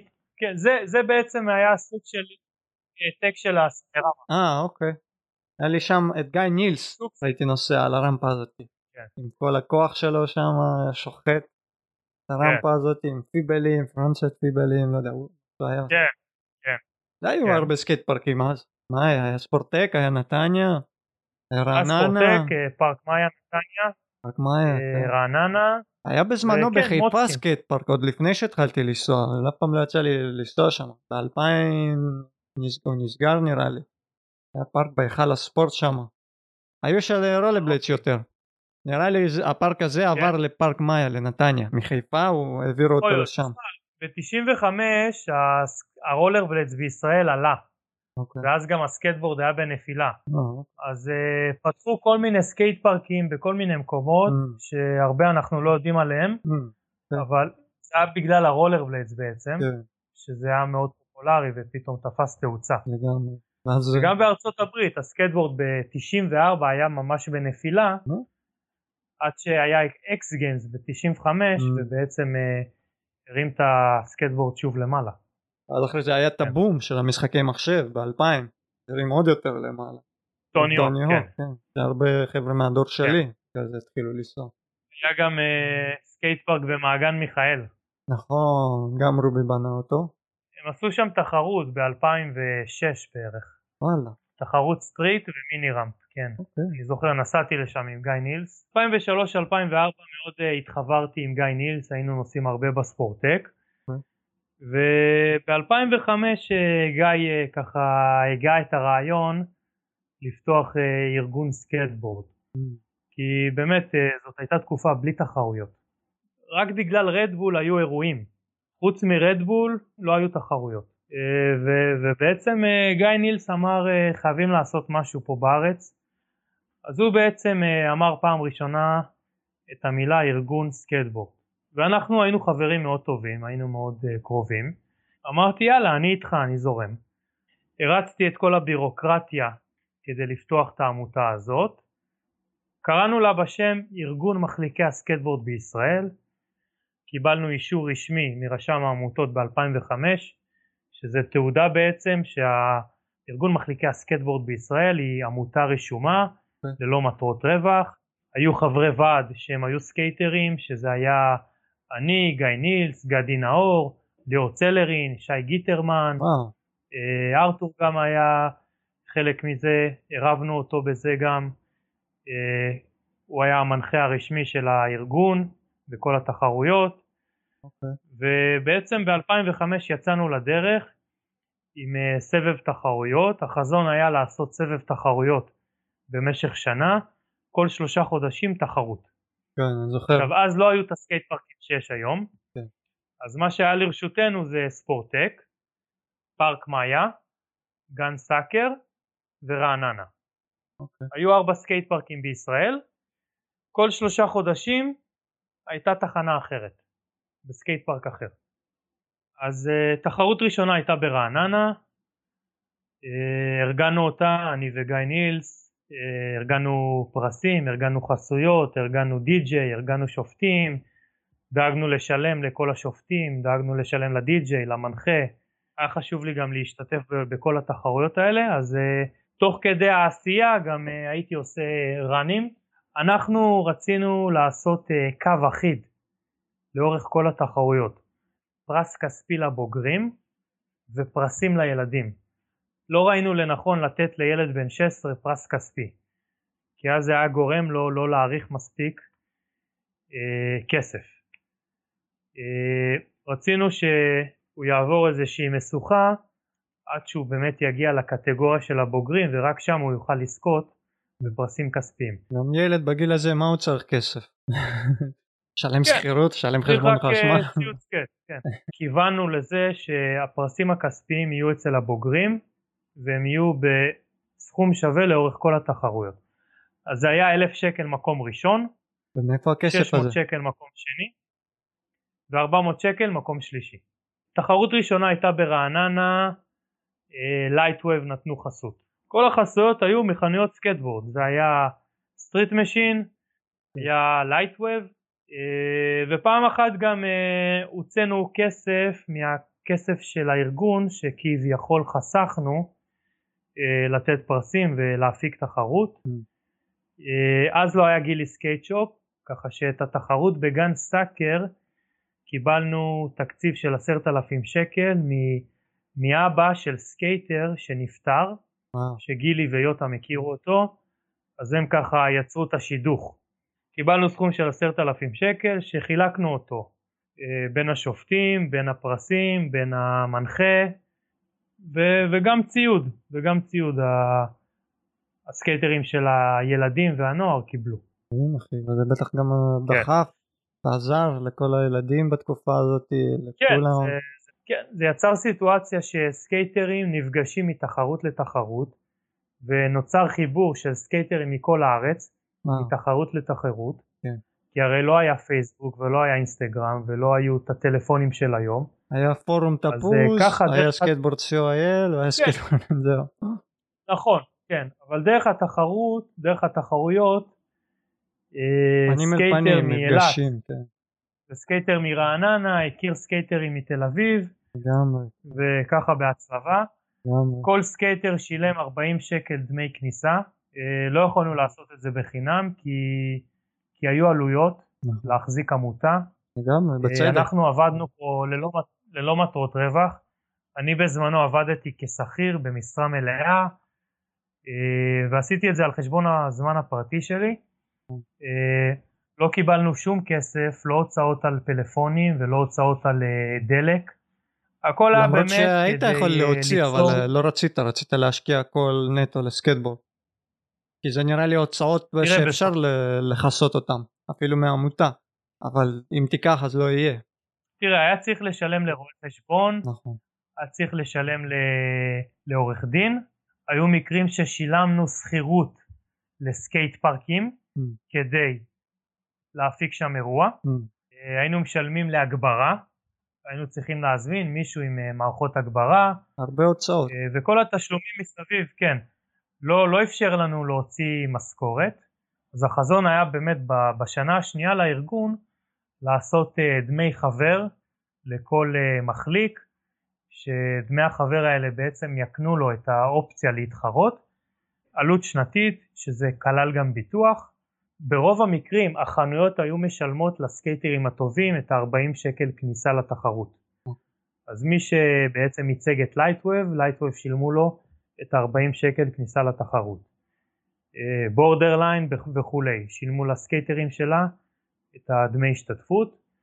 אה, שאר הסקייטרים שילמו 40 שקל, אבל אה, לא הגענו לשנה השנייה. העמותה עבדה רק שנה. כן, למה? הייתה עבודה מאוד קשה, אני זוכר באותה תקופה היה לי פחות זמן לנסוע על סקט. הגענו לסוג של אה, מבוי סתום בגישה, הגישה שלי עם גיא הייתה שונה, אה, אנחנו ראינו את הדברים אחרת. מבחינתי אני העדפתי לעצור, כי זה גרם לי להרבה עומס, וזה קצת איבד לי את הכיף, ופשוט לנסוע על סקט ביותר רוגע ובלי הלחץ הזה, כי בשלב מסוים הארגון הזה לי באופן אישי עשה הרבה לחץ. אה, כל שלושה חודשים להפיק תחרות, אה, להשיג חסויות, אז נגיד היינו מתחילים יום של תחרות ב-10 בבוקר, מגיעים הביתה 8 בערב, עובר על כל התוצאות של כל, של כל הסקייטרים, בנוער היו 60 מתחרים, בילדים עד גיל 13 היו 13 מתחרים, ובבוגרים היו 20 מתחרים. Mm. עכשיו, מקום ראשון זה 1,000 נקודות. כן. מקום שני זה 900 נקודות, מקום שלישי זה 800 נקודות, בטווח היותר נמוך הפער מצטמצם, אז בעצם הייתי מגיע הביתה, עושה סיכום של כל המתחרים ומעלה את זה לאתר. יש שם עבודה. היה skateboard.org.il ופשוט באותו ערב החזון היה שילד בן 16 וילד בן 12 ייכנס לאינטרנט ויראה באיזה מקום הוא יצא. גם אם ילד קיבל מקום 40, היה לי חשוב שהוא יראה באיזה מקום הוא. Okay. כן. אה, לא עצרתי במקום 20, כי לי בתור ילד היה חשוב לראות איזה מקום יצאתי. גם אם זה מקום 40 מתוך 60, היה לי חשוב לראות שזה 40 מתוך 60, okay. כן. ולא 59 מתוך 60. Okay. כן. אז, אה, אז זאת הייתה הרבה עבודה של באמת אה, לנקד את כולם ולהעלות את הכל לאתר באותו ערב. וכמה ימים אחרי זה גם היינו מעלים תמונות. אה, גיא פיצ'ון בזמנו היה הצלם ושי גיטרמן היה הצלם ובעצם בסוף שנה עשינו אירוע שבו אנחנו מכריזים את אלופי ישראל ולהסתמך על כל הניקוד המצטבר מכל ארבעת התחרויות שהיו בכל הסבב במשך השנה. סקייטר במקומות הראשונים קיבל גביע ופרס כספי או ציוד. אבי דהן היה אלוף הארץ לנוער, טל שדמתי היה אלוף הארץ לילדים, ובועז אקינו היה אלוף הארץ בבוגרים. Yeah, זה היה 2005, כן? ב-2005, כן, אה, באותה תקופה אבי לוזיה גם היה בחו"ל. ככה שהוא לא הצליח uh, להתחרות בכל התחרויות. כן. אז uh, לבועז כביכול היה יתרון בניקוד המצטבר, mm. אה, אני זוכר טוב את טל שדמתי שהוא בתקופה הזאת הוא היה בן 12 והוא התחרה בעצם בילדים, בילדים עד גיל 13 הוא היה מאוד uh, סיסטמטי מאוד uh, יציב הוא לא היה, בר... הוא לא היה נופל בראנים נועם באר קיבל את הכינוי ג'ימי כן. okay.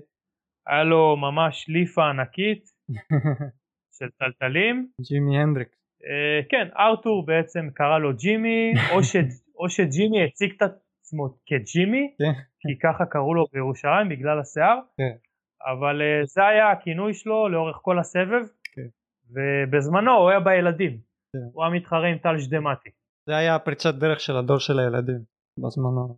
כן, אבי דהן היה בנוער, אלמוג פרום היה בנוער, אגב אלמוג פרום זכה בנוער של התחרות בספורטק ב-2002, אה נכון. היה גם שם נוער ובוגרים. היה גם אה, אלון פורט איתו? אלמוג פורט? אלון פורת גם, כן. היה איפה אה, ש... היה את אמיר שמעוני שהתחרה בסבב כן. של ארגון הסקטבורד, אור גריאני שגם היה כוכב ב... בתקופה הזאת של ארגון הסקטבורד. כן. אני זוכר את איתמר קסלר בתור ילד ממש קטן. עומר חוג'ה גם רוג'ה. היה מאוד בולט אז בילדים. כן, היה אחד הכישרונות, זוכר היה אמור היה אמור להיות כישרון כן, גדול כן, מירושלים. כן, אני זוכר, אה, אני זוכר שהוא היה מתחרה עם אה, טרנינג אדום של אדידס. אוקיי. זה- זה היה הסטייל שלו. אחרי תקופת 2005 הוא נעלם. כן. לא ראיתי אותו, ואז ראיתי אותו שוב שפתחו את הסקייט פארק בירושלים. סטייל אחי סטייל. תחרויות. ואז איך התקופה של הספורטק היה מקום חם בלב שלך והיה לך את המנוי life. מהמנוי life כן. אחרי זה זה עבר לאושרי ובטח המנוי כבר לא עבר כן. עם ה life לאושרי. כן, כן, כן, כן, אה, המנוי life שלי התבטל, שילמתי כניסה כל פעם, כל- כמו פעם, אבל אה, זאת הייתה תקופה של שנה, כי אז אה. ב-2007 כבר פתחו את גלית, אה אוקיי. אתה יודע באיזה שנה הוא פתח את הספורטק? במרץ 1990. 90. אה אוקיי. כאילו רובי יצא בזמן הוא מכר את הסקייט פארקים בזמן כנראה ידע שהולך להיות מהלך כן. של סקייט פארקים כן, מבטון. אנחנו, אנחנו ידענו שהולכים לבנות את סקייט פארק גלית, אני ידעתי על סקייט פארק גלית אולי אה, שנה שנתיים לפני. פגשתי אז בזמנו עם גיא נילס כמה אנשים מהעירייה שאמרו לנו איפה הם הולכים לבנות את הסקייט פארק בגלית במקום בריכת גלית שבעצם אה, בועז גילה, גילה את ה spot הזה אוקיי. אז ב-2002, 2001 נסעתי ב spot הזה פעם ראשונה וב-2006 כן. כששמעתי שהולכים אה, להרוס את הבריכה הזאת לטובת הסקייט פארק דאגתי לנסוע שם כמה שיותר ולצלם. זאת הייתה בריכה שהיו שם banks וקירות יכולת לעשות שם frontside wallride ו wallride ל fakie ו backside wallride זה היה גן עדן בשבילי. דאגתי לבוא לשם כמה פעמים עם אה, פיצ'ון ושי גיטרמן כדי לצלם גם בווידאו גם בתמונות. ואיך וכל זה השמועה הזאת הגיעה לרובי הוא החליט למכור את הספורטק לאושרי. כן כנראה כן. למרות שפה איכשהו בארצות הברית הם מצליחים להחזיק סקייט פארקים בתשלום למרות שיש להם הרבה סקייט פארקים בחינם. אה, אפילו כן. כאילו הם, הם עושים את זה נראה לי יותר בשביל הילדים. נראה לי שזה קהל היעד שלהם שיהיה להם מקום לבוא להתאמן כמו חוגים. יהיה להם שם כן. קבוצות או אחד לאחד. כמו שבארץ עושים צחי, אהוד, מעגל גשת. כן. שגם אתה שמעתי אתה עושה שיעורי סקייט. כאילו ראית אני רואה פר יש לך אתר. 2006, 2007 עשיתי, התחלתי לעשות שיעורי סקטבורד עד 2016 בערך. יש לך אתר נכון? כן, כן עכשיו החייתי אותו מחדש. Mm, אוקיי. אה, הוא עבד ממש טוב ב-2013 עד 2017. איך האתר נקרא? בני skateboards.com. עכשיו זו תקופה ש... שאני רוצה קצת אה, לחזור לעשות שיעורי סקייטבורד כי אני יותר פנוי. כן לגמרי לעזור לדור החדש לחלק מידע כן. לקבל ידע לגמרי סבבה זה תחשוב שנים שהיית לומד בשביל זה ואתה מעביר את זה לילד בשעה כן. אה, מדהים לדעתי אז פה גם נגיד מה זה הסקייט ככה הסקייט פארקים שורדים לדעתי פה שהם אה, עושים קבוצות עושים קייטנות עושים חוגים וככה הם מחזיקים את הסקייט פארקים בתשלום ה indoor למיניהם אבל זה גם משהו שנכחד. שם זה קהילה מאוד גדולה זה תמיד לגמרי. יהיה מי שישלם. פה בארץ זה משהו שלא כל כך יכול לעבוד כי ברגע שיש סקייט פארקים מבטון אוטומטית אנשים אה, מעדיפים ללכת למקום שזמין וחינמי. לגמרי, כן, וגם אם הם יכולים אה, לעשות את השיעורים שם, למה להם לבוא למקום שלוקח כסף, כן. אה, להוציא את הכסף שם. כן, לגמרי, מסכים אבל איתך. באותה תקופה בספורטק זה התאים כי כן. באמת זה היה כמו מועדון ייחודי שרק מי שאהב רמפות הרשה לעצמו לבוא ולשלם כסף וזה בעצם אה, הבליט אותך מ- מה, מהסקייטרים של ה street בעצם. היה איזשהו, של. היה איזשהו הבדל בין הסקייטרים שנסעו בספורטק ולסקייטרים שנסעו בגולדה? אה, בעיקרון אה, לא, לא היה הבדל, כי הרבה סקייטרים של גולדה באו לנסוע בספורטק. אה, זה היה טרנד קבוע שנוסעים בגולדה ואז הולכים לספורטק. אמ, אוקיי. ו- אז זה התחבר, התמזג ביחד. זה, היה אותם סקייט, זה אותם התחבר, אנשים, אותם. סקייטרים. כן, תראה, סך הכל היו באותה תקופה אולי 50-70 סקייטרים בכל הארץ, רובם היו מרוכזים במרכז, כן. וכל מי שהיה תל אביבי, רמת שרוני, רעננה, אה, בת ים, חולון, תל אביב, כן. נסע גם בגולדה וגם בספורטק. עכשיו פתחו את גלית. אתה זוכר את היום הזה? מלא אנשים, אה, היו שתי סקייטרים מחו"ל, ג'וש איבן ודיין בן- בר- ברומן, אה, שאבי לוזיה דאג להביא אותם. היה demo ב street של אזיז, בועז אקינו, נכון. אה, אבי לוזיה, ואז בעצם אה, עברנו ל session ב pool. פעם ראשונה בעצם שיש pool בישראל מבטון. כן. כל, ה, כל האבן הייתה חדשה וטריה, ו- ואנשים התחילו לבחון איך זה לנסוע ב pool, איך זה לעשות גריינדים על אבן. מ coping של היה- ש- של ברזל, מ coping של מתכת, יענו, פתאום אתה עובר אה, בטון.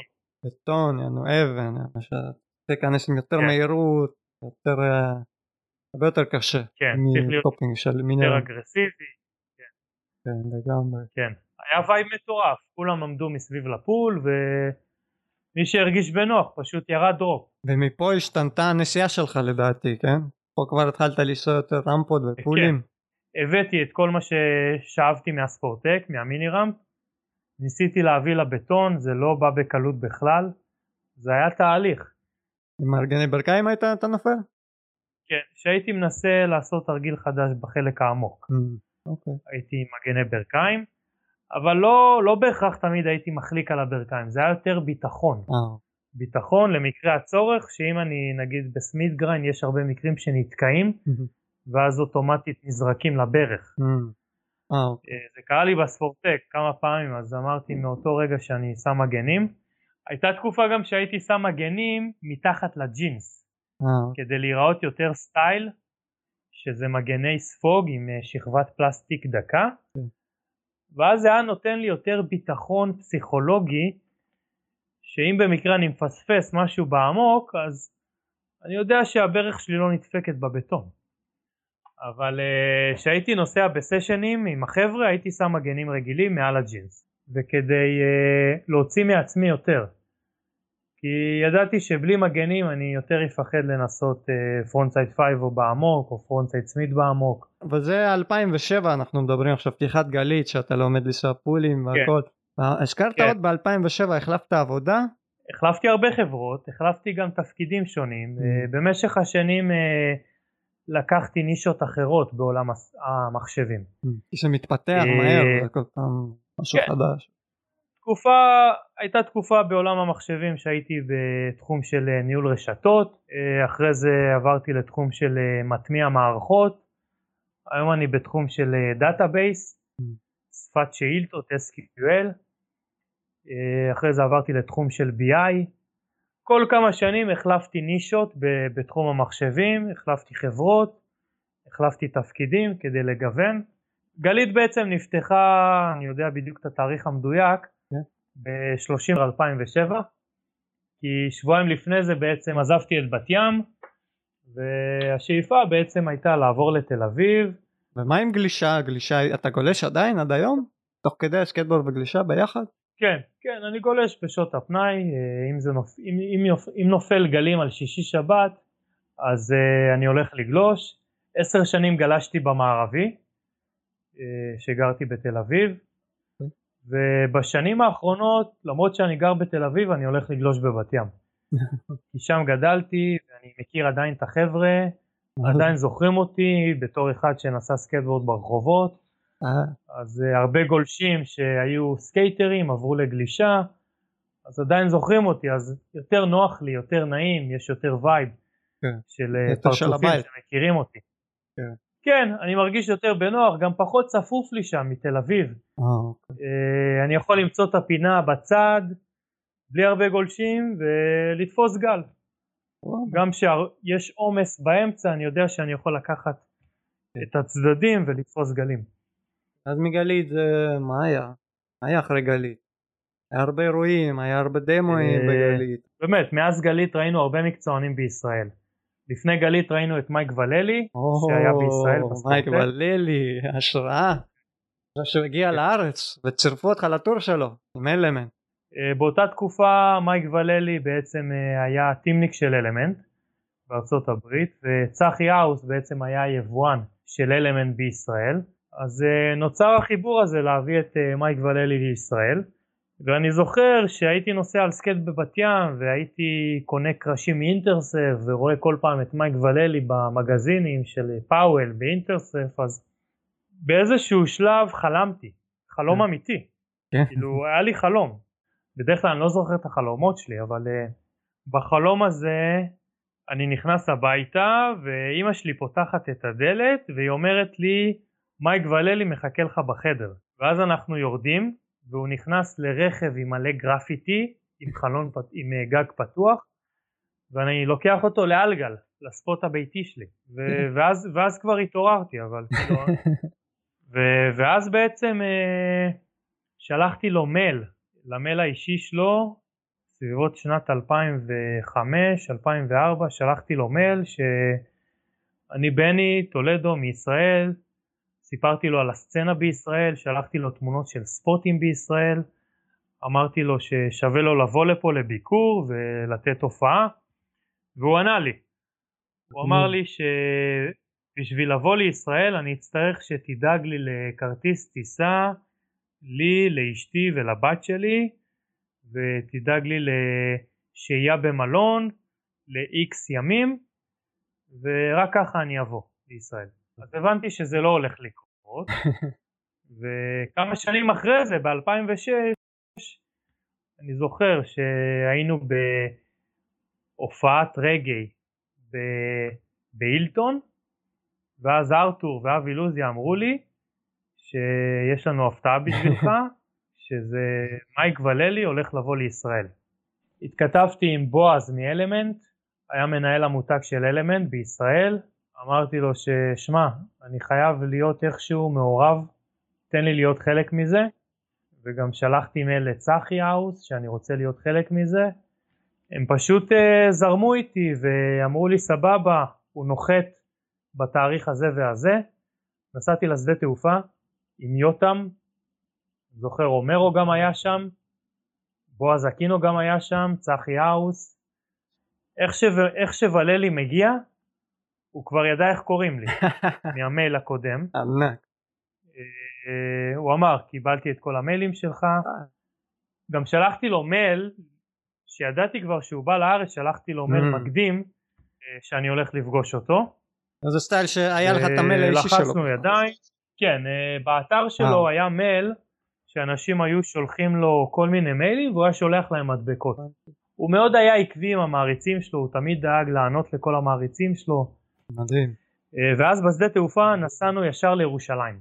אוקיי. אה, למייק וללי בעצם אה, חיכה רכב, הוא בא עם שתי צלמים, עם עוד סקייטר, דאלאס רוקוואם, וה street כן. סקייטר. amateur של Element. כן, כן, ואז נסענו ישר מהשדה תעופה ל- לירושלים, העברנו כמה ימים בירושלים, ישנתי אצל יותם, מייק וללי עשה דמו בגן סאקר, לקחת חופש מהעבודה?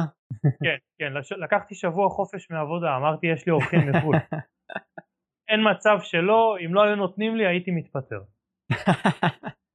ענק. כן. אוקיי. נסעתם בליסה בטח? כן, כן, אני ובועז אקינו נסענו שם יחד עם מייק וללי ודאלאס, כן. וכל זה צולם לסרט Drive, כל פרק היה במקום אחר בעולם, ואז כן. הקדישו שתי פרקים לישראל.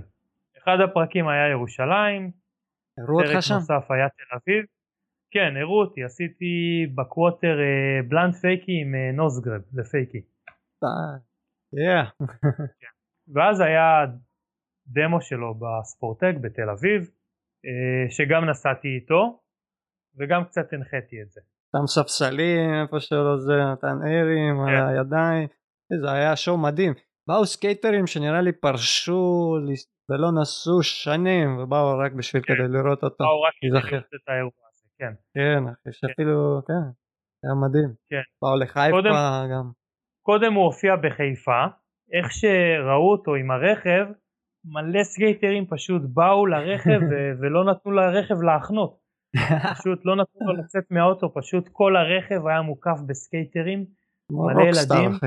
ופשוט הוא אמר להם, תנו לי לעשות את הדמו, אחרי הדמו אני אשאר לחתימות. ואז הוא התחיל את הדמו, נתן את הדברים הקבועים והידועים שלו, ואני אני הייתי על המיקרופון, ואז אמרתי לו, מה אתה אומר, אני אשים את הספסל פיקניק? ואז הוא עשה כל מיני תרגילים של להוציא את הרגל לספסל פיקניק ואז לחזור לבנק. אה, הוא הביא ער מהקווטר עם בעיטה לספסל פיקניק ואז לחזור לבנק. עשה מה שהוא יודע לעשות הכי טוב, כן, ריחף שם בפארק, כן. אני זוכר, נתן שואו. נתקע ב-50 מהבנק לגדר וחזר לבנק. אני גם מאוד התרשמתי מהסקייטר כן. שהגיע איתו, היה- כאילו הוא, הוא לקח את כל ההופעה, אבל גם התרשמתי מדאלאס, דאלאס. איך יפה הוא היה נוסע בקלילות כזאת, היה לו סטייל כזה שעוד לא הכרתי. אתה רואה כן. את זה בעיניים שלך כן. וזה מדהים. והוא אגב גם עזר לי קצת בארצות הברית, כן, הדאלאס, עשה- כתבתי איתו והוא עזר לי פה קצת. אה כן, הכרת אותו? במייספייס? היינו, הייתי מתכתב איתו וחיפשתי, שאלתי אותו קצת אה, עזרה בארצות מגניב. הברית, כמה כיוונים, מקום לישון כן. פה, מקום לישון שם, והוא חיבר אותי עם אנשים, היה מביא לי. ואז עד שהגעתי ללונג ביץ', פגשתי אותו שם, כן, אחרי זה, הוא חיכה לי. ואז הוא עבר לאירופה. אחרי אלמנט הוא עבר לפאוול, הייתה תקופה שפאוול פרלטה הפכה להיות פאוול, אוקיי. אז הוא היה בפאוול, שסטייסי פרלטה קצת עזב את ג'ורג' פאוול לכמה Mm. שנים, אה, יצא סרט של פאוול שהיה לו שם part. דאלאס אחלה גבר. פה ושם גם יצאו תמונות של מייק וללי בטרנסוורד מה? אה, בכל מיני טריקים פה בישראל. יצא לו תמונה בטרנסוורד בליסה, באיזשהו בקסיידר, אמ, והוא עשה פרסומת לאוקלי, שהוא עושה בונלס בקליה. הבריכה שהייתה נטושה בלי מים. מקום הבנקים פוטוגני. מאוד. אני באמת אה, שמח שזה קרה, ואני שמח זה סגר לך מעגל אחי, על מישהו שגדלת ופתאום כן. אתה היית ביחד בטור. כן, צחי האוז, בועז אקינו ובועז המנהל מותג של אלמנט בעצם אה, גרמו לי לקחת חלק מזה. כל הכבוד לאלמנט. אה, היה לך חסויות, ספונסרים או תמיכה כלשהי שהיית היית קונה את הקרשים שלך סיפרת מלייטווייב היה לך כן. ואחרי לייטווייב כן. היה לך חנות אחרת? ב-2006 אני זוכר שראיתי נעלי ויז'ן שארז מלייטווב התחיל אה, לייבא לחנות. אוקיי. אז ככה זה מאוד קרץ לי, נעלי ויז'ן. פשוט uh, קבעתי פגישה עם ארז מלייטווב ו... ואמרתי לו שנעלי ויז'ן זה משהו שאני מאוד מתחבר אליו ואני אשמח לקחת חלק במיתוג של, ה... של המותג הזה, ב... בשיווק של הנעליים, בלתת push. והוא ממש זרם איתי, הוא אמר לי בגלל שבעצם באתי מהתקופה שבאמת ויז'ן הייתה החברה בשנות ה-80 וסוף שנות ה-90 אז אה, כל שלושה חודשים קיבלתי זוג נעליים הייתה תקופה של שנה צחי צחי עינת גם אז ככה היינו סוג של team ביחד זה הספונסר הראשון אה, שלך. כן כן כן ספונסר לנעליים מה הייתם כן. עושים בתור ספונסר בתור כן, team? אה, רק מייצגים את זה? שהייתם מארגנים אירועים דמוים? היינו די מוגבלים ב- ביכולת אה, לפרסם את זה אז נגיד עשו תחרות mini ramp ואז הוציאו את זה לוידאו אז אה, בסוף הוידאו היה רשום אה, נגיד בני טולדו מקום חמישי ספונסרים נעלי Mm. ויז'ן אוקיי. אה, מי שהיה במקומות הראשונים בעצם אה, קיבל את האופציה שירשמו את הספונסרים שלו לאותה תקופה. אה, חוץ מזה ב-2006 גם הייתה חנות גלישה בשם סקשן בתל אביב. אורן היה הבעלים של החנות. באותה תקופה החנות הזאת סקשן חיפשה להכניס סקייטבורד לחנות והם הזמינו אותי בעצם אה, הוא הציע לי אה, לקחת חלק בדחיפה של הקרשים בחנות. אה, הוא אמר אני רוצה שאתה תהיה ב team, ב team של הסקייטבורד. באותה תקופה היה שלומי מבת ים שהיה טימניק בגלישה ובעצם קיבלתי complete ומה שעשיתי כדי בעצם לדפוק, לדחוף את החנות הזאת זה בעצם הזמנתי את שי גיטרמן לצלם אותי בשוק הכרמל אז באותה תקופה בשוק הכרמל היה jersey mm. שבייקרים הפכו אותה ל quarter. אוקיי. Okay.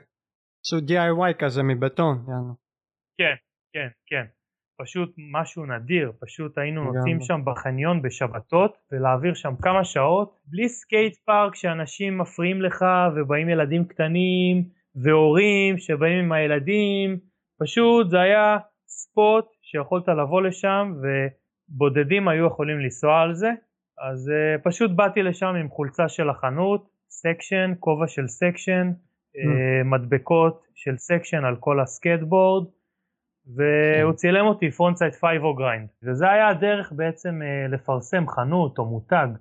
אה, וגם בתחרויות mini ramp שהייתה באותו, שהיו באותם, באותה תקופה אז אה, הייתי מתחרה עם החולצה ו, ועם מדבקות על הסקט. ניסיתי לשלוח לשם כמה שיותר לקוחות שבעצם להצדיק להצדיק את העניין הזה שקיבלתי בעצם אה, קומפלט ובשלב יותר מאוחר קיבלתי עוד קרש או שתיים. זה גם בעיקרון כל העבודה של המספונסרים שזה לא מובן מאליו שאתה כן. מקבל משהו.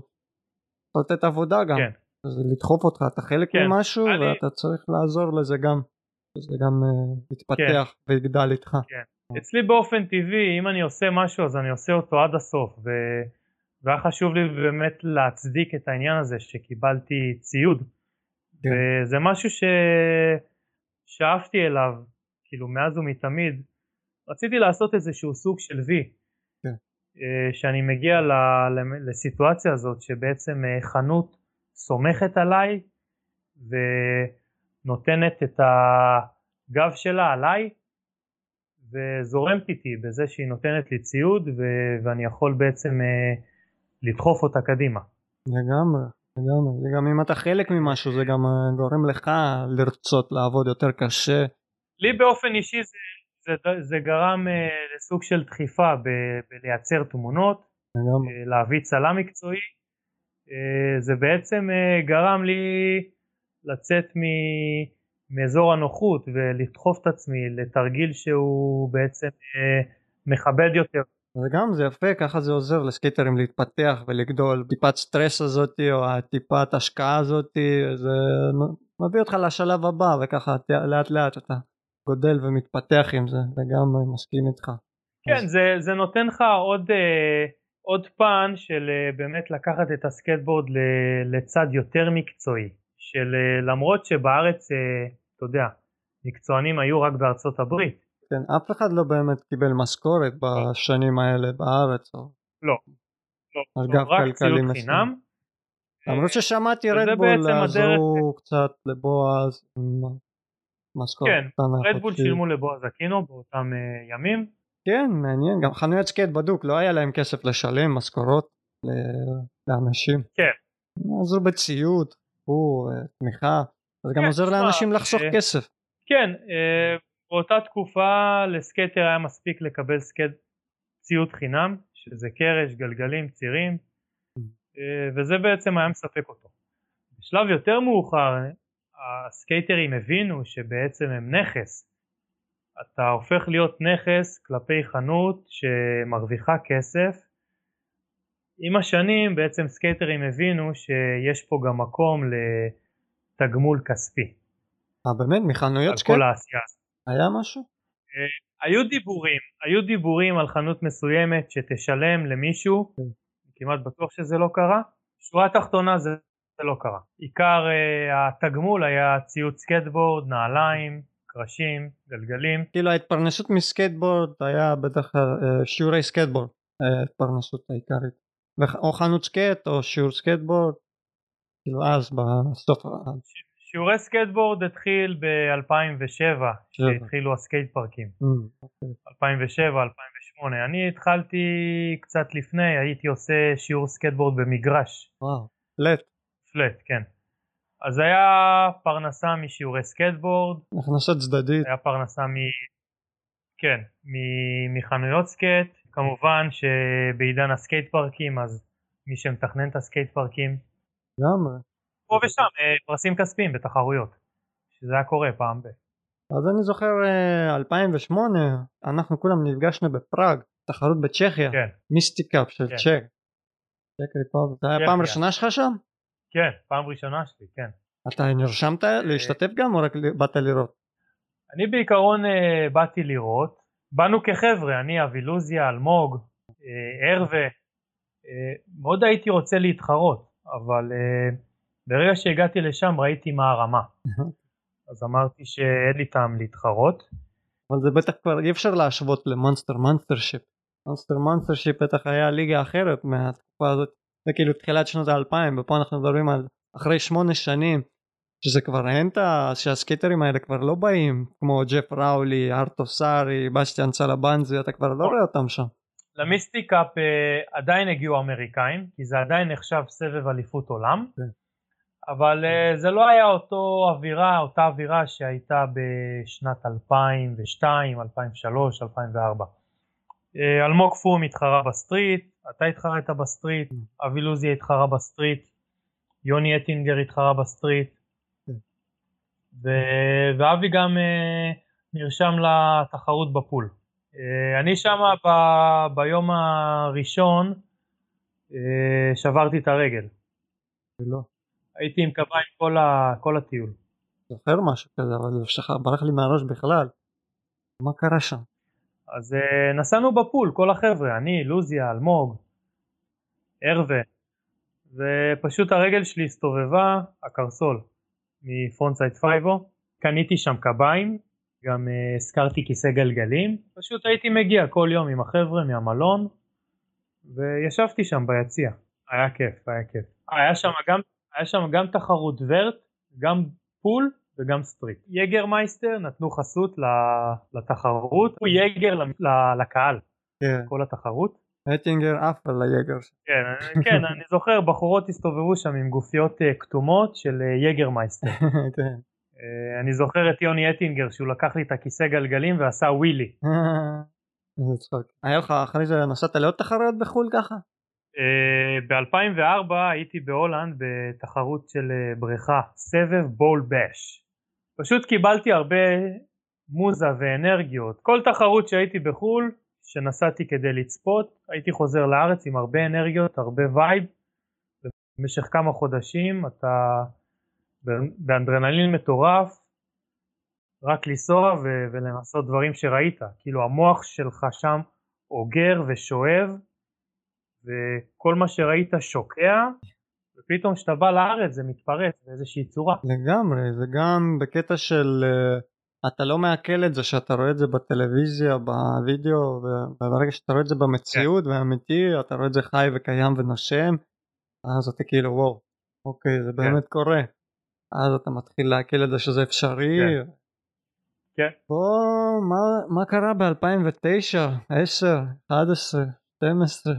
אחרי מיסטיקאפ הייתי נוסע הרבה בגלית, אה, מנסה כמה שיותר אה, לאתגר את עצמי בבריכה. אוקיי. אה, מקבל הרבה השראה מסקייטרים בחו"ל ו- ומנסה כל פעם לאתגר את עצמי ב- במסגרת היכולות שלי.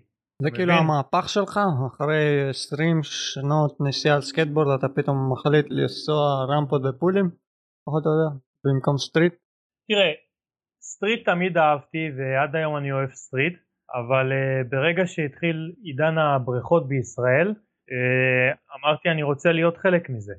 עוד לפני שהיו בריכות בישראל, זה אוקיי. משך אותי, כי כל פעם הייתי רואה סרטים. עם uh, בריכות באוסטרליה, ומאז ומתמיד אני תמיד עוקב אחרי הסרטים ו- ובריכות התחילו בארצות הברית הרבה לפנינו, אז כל הזמן הייתי מקבל השראה מכל מיני בריכות שהייתי רואה בסרטים, אוקיי והייתי אומר לעצמי איזה באסה פה בישראל זה לא יקרה לעולם, ואז ברגע שזה קרה, אז אמרתי אני חייב uh, לעשות את זה. היה לי ממש תשוקה לזה, אבל עדיין השתדלתי לנסוע גם street, גם, גם לצאת לרחוב מדי פעם, אה, ולא להתקבע רק לאיפה בחוץ. אתה הולך ברחוב? אם אתה הולך לנסוע street? אה, אני אוהב לקפוץ מדרגות. אני אוהב לעשות ollie, 6-7 מדרגות, 2 רווח 2. היום יש לך את זה בסקייט פארק כבר. כן, כן, אבל אה, אתה יודע, לצאת לרחוב זה שונה, ל-5-6 מדרגות משיש אה, זה שונה. אני אוהב לנסוע על קרבים שהם לא כל כך גבוהים במיוחד, אוקיי. אני אוהב לנסוע על אה, פלטברים שהם לא כל כך גבוהים. אבל יש ספוט מסוים שאתה. אוהב לחזור אליו? אתה חוזר אליו בתקופה? או שאני מחפש משהו עם wall ride, שזה בנק לקיר, כמו גלית של פעם. גלית של פעם, לפני הסקייט פארק זה בנק לקיר. או שאני מחפש משהו שהוא סוג של transition ב street, או שזה מדרגות שיש לשיש, שזה בסדר גודל של אה, מקסימום 7. פלטברים אם זה לא גבוה מדי, וקרבים אם זה לא גבוה מדי. אה, בשנים האחרונות התחלתי לעשות firecracker, אוקיי. עשיתי אה, 10 מדרגות. עשר? כן, אז איפה? כן. איזה עשר? עשיתי את האמת את העשר ב- בירושלים, בסקייט פארק, שזה אה, אוקיי. לא עשר של street. עשיתי את השמונה ב-IBM ב- ליד גולדה. אה, אה, כאילו אני מחפש עשר שהם יתאימו מבחינת גודל, שנגיד ה-13 בגולדה זה יותר מדי, טוב. כי הן מדרגות גדולות. עדיין ה street חי ונושם אצלך, בועט, כאילו, אתה נותן. אני קיבלתי הרבה השראה מג'יימי תומאס במהלך השנים, מפט דאפי, דני ווי שנסע גם street וגם vert, ופרנקי היל אה, שהוא בעצם ההשראה של ג'יימי תומאס ופט דאפי. אה, פרנקי היל הוא סקייטר שהיה בפאוול פרלטה והוא נתן לי הרבה השראה. הוא הראשון שבעצם עשה גאפים גדולים, שלוש רווח שלוש, אה, בורדסליידים על ריילים אה, גדולים. עד, עד היום אני רואה סרטים שלו, לפני? session. אה, מביא לך מוזה? עד היום סרטים ישנים מאוד אה, דוחפים אותי לצאת לנסוע. אה, עוד דבר שאני אוהב ב street זה wallie. אה, יש בבת ים חומה שהיא high to low, היא בגובה של אה, חצי מטר, ואז אם אתה עובר אותה ב ollie אתה נוחת לעומק. אז משהו שאני מאוד לא- אוהב לעשות שם זה wallie. מה עם פול, אתה אוהב פולג'מים? אוהב מאוד פולג'מים, כן, כן. ה pole jam הראשון שעשיתי, אה, איפשהו היה חור באדמה, פשוט דחפנו לשם איזשהו מוט ברזל עגול שהיה לי בבגאז' במקרה שאני אראה חור, ואז אני אוכל לדחוף אותו. כי תמיד ראיתי פולג'מים בסרטים, אה, נתקלתי ב pole jam פעם ראשונה עם, אה, בסשן עם, אה, בשוק בצלאל, עם תמוז, בועז אקינו וג'ונסון. נתקלנו באיזשהו pole jam, נסענו עליו עד שהוא כבר נפל. אמרתי אני לוקח אותו, את הצינור הזה, שם אותו בבגאז' שיהיה. ואז כמה שבועות אחרי זה מצאתי באמצע הרחוב חור, שהמדרכה קצת יצאה, תקעתי אותו ועשיתי על זה pole jam, צילמתי קצת. אה, הייתי נוסע הרבה street עם ג'ונסון, עם אודי חסון, כמה פארטים צילמת? הראשון עשית אתה עם הוידאו לוידאו. הראשון, כן, הראשון היה בשנת אה, 2000. יש לי part של אה, שנת 2005, שזה כל מיני מיני רמפים, שזה ספורטק, רעננה. ב-2007 עשיתי עוד part, גם street וגם אה, רמפות. וב-2012 הוצאתי עוד part, שהיו שם הרבה טריקים מהטיול שלי בארצות הברית. מה זה הטיול הזה? זה טיול שאלמוג יזם. אמרתי יאללה אני זורם איתך. אה, 2010 זה היה תקופת החגים. זו תקופה טובה בהייטק אה, לצאת לחופש ארוך. אני גם הייתי בתקופה אותי. זהו, היית, היית עם אבי דהן, גם. פגשת אותו. כן. אנחנו מאוד רצינו להגיד לאבי דהן שיצטרף אלינו. הרבה פעמים כשאתה יוצא לנסוע לטיול, אתה ועוד חבר, אז כל אחד מושך לכיוון שלו. אוקיי. ובטיול, ברגע שיש את הגורם השלישי, הוא מאזן. אז כן. uh, רצינו שבאמת אבי דהן יצטרף אלינו. בכל אופן, uh, התכנון היה לנסוע לוושינגטון, סיאטל, ואז uh, לרדת לאורוגון, ומאורוגון לרדת לקליפורניה עד סן דייגו, ב-30 יום. אני במשך חודשיים עשיתי שיעורי בית, ותכננתי את הטיול הזה. וואו. הכנתי ספר של כל הסקייט פארקים שחשובים לי אה, לנסוע שם, מסרטים, מכל מיני כתבות, רשמתי ממש אה, כתובת, תמונה, אה, יש אורות, אין אורות, מתי סוגרים, מתי פתוחים, יש מגנים, אין מגנים, צריך קסדה, לא צריך קסדה. ופשוט בניתי ספר של כל הסקייט פארקים שאני ואלמוג הולכים להיות, וגם ספוטים מפורסמים של רחוב. בלוס אנג'לס, כל המדרגות המפורסמות. בעצם ב-30 יום היינו ב-34 סקייט פארקים, יצא לנו להיות אה, כמה סקייט פארקים באותו יום. הכל היה משימות, משימות, משימות. קמים בבוקר, יוצאים לפארק הבא. מסיימים, ממצים, נוסעים לעוד פארק. ישנו אצל סקייטרים, התארחנו אצל סקייטרים. איזה כיף. אה, הכרנו הרבה סקייטרים ואנשים מיוחדים. ו- ובעצם אה, נחשפתי ל- לסקייטבורד של north אה, west בעצם, של אזור צפון מערב ארצות הברית. אוקיי. מעל קליפורניה. כן, רוב החברות שאנחנו מכירים בישראל הם אה, מקליפורניה. נכון. אה, קליפורניה זה המיינסטרים.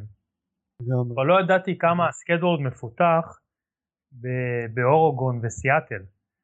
ראיתי סרטים של ברנסייד אבל, אבל לא תיארתי לעצמי אה, כמה מיוחד המקום הזה, כי מה שמיוחד באורוגון בעצם ששם הכל מלוכלך וקשוח ו rough, לעומת קליפורניה שהכל נקי וצבעוני והסקייטרים באורוגון הם יותר קשוחים, כי באמת הסקייט פארקים באורוגון הם מאוד קשוחים, מאוד ארטקור, הכל שם עמוק ומפחיד והרצפה לא, לא, לא ישרה כמו פה, כמו מוזיאון, הסקייט פארקים שיש לנו בארץ זה מוזיאון. ואתה מבין כמה העוצמה שם של הסקייטבורד אצל האנשים ביום יום. תאר אחי. ואז זה חיבר אותך לכל התעשייה הזאת שם?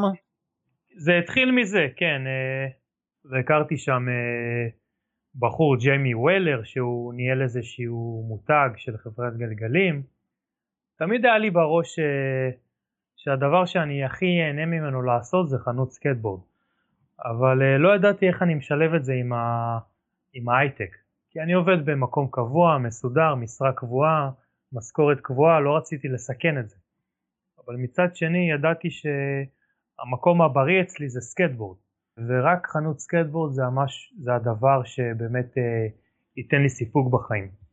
כי תמיד אהבתי להתעסק בציוד, תמיד הייתי מזמין מהאינטרנט כל מיני חברות והייתי חוקר כל מיני מותגים וכל מיני רמות קושי ורוחבים שונים של גלגל והייתי מנסה מפעלים שונים של קרשים.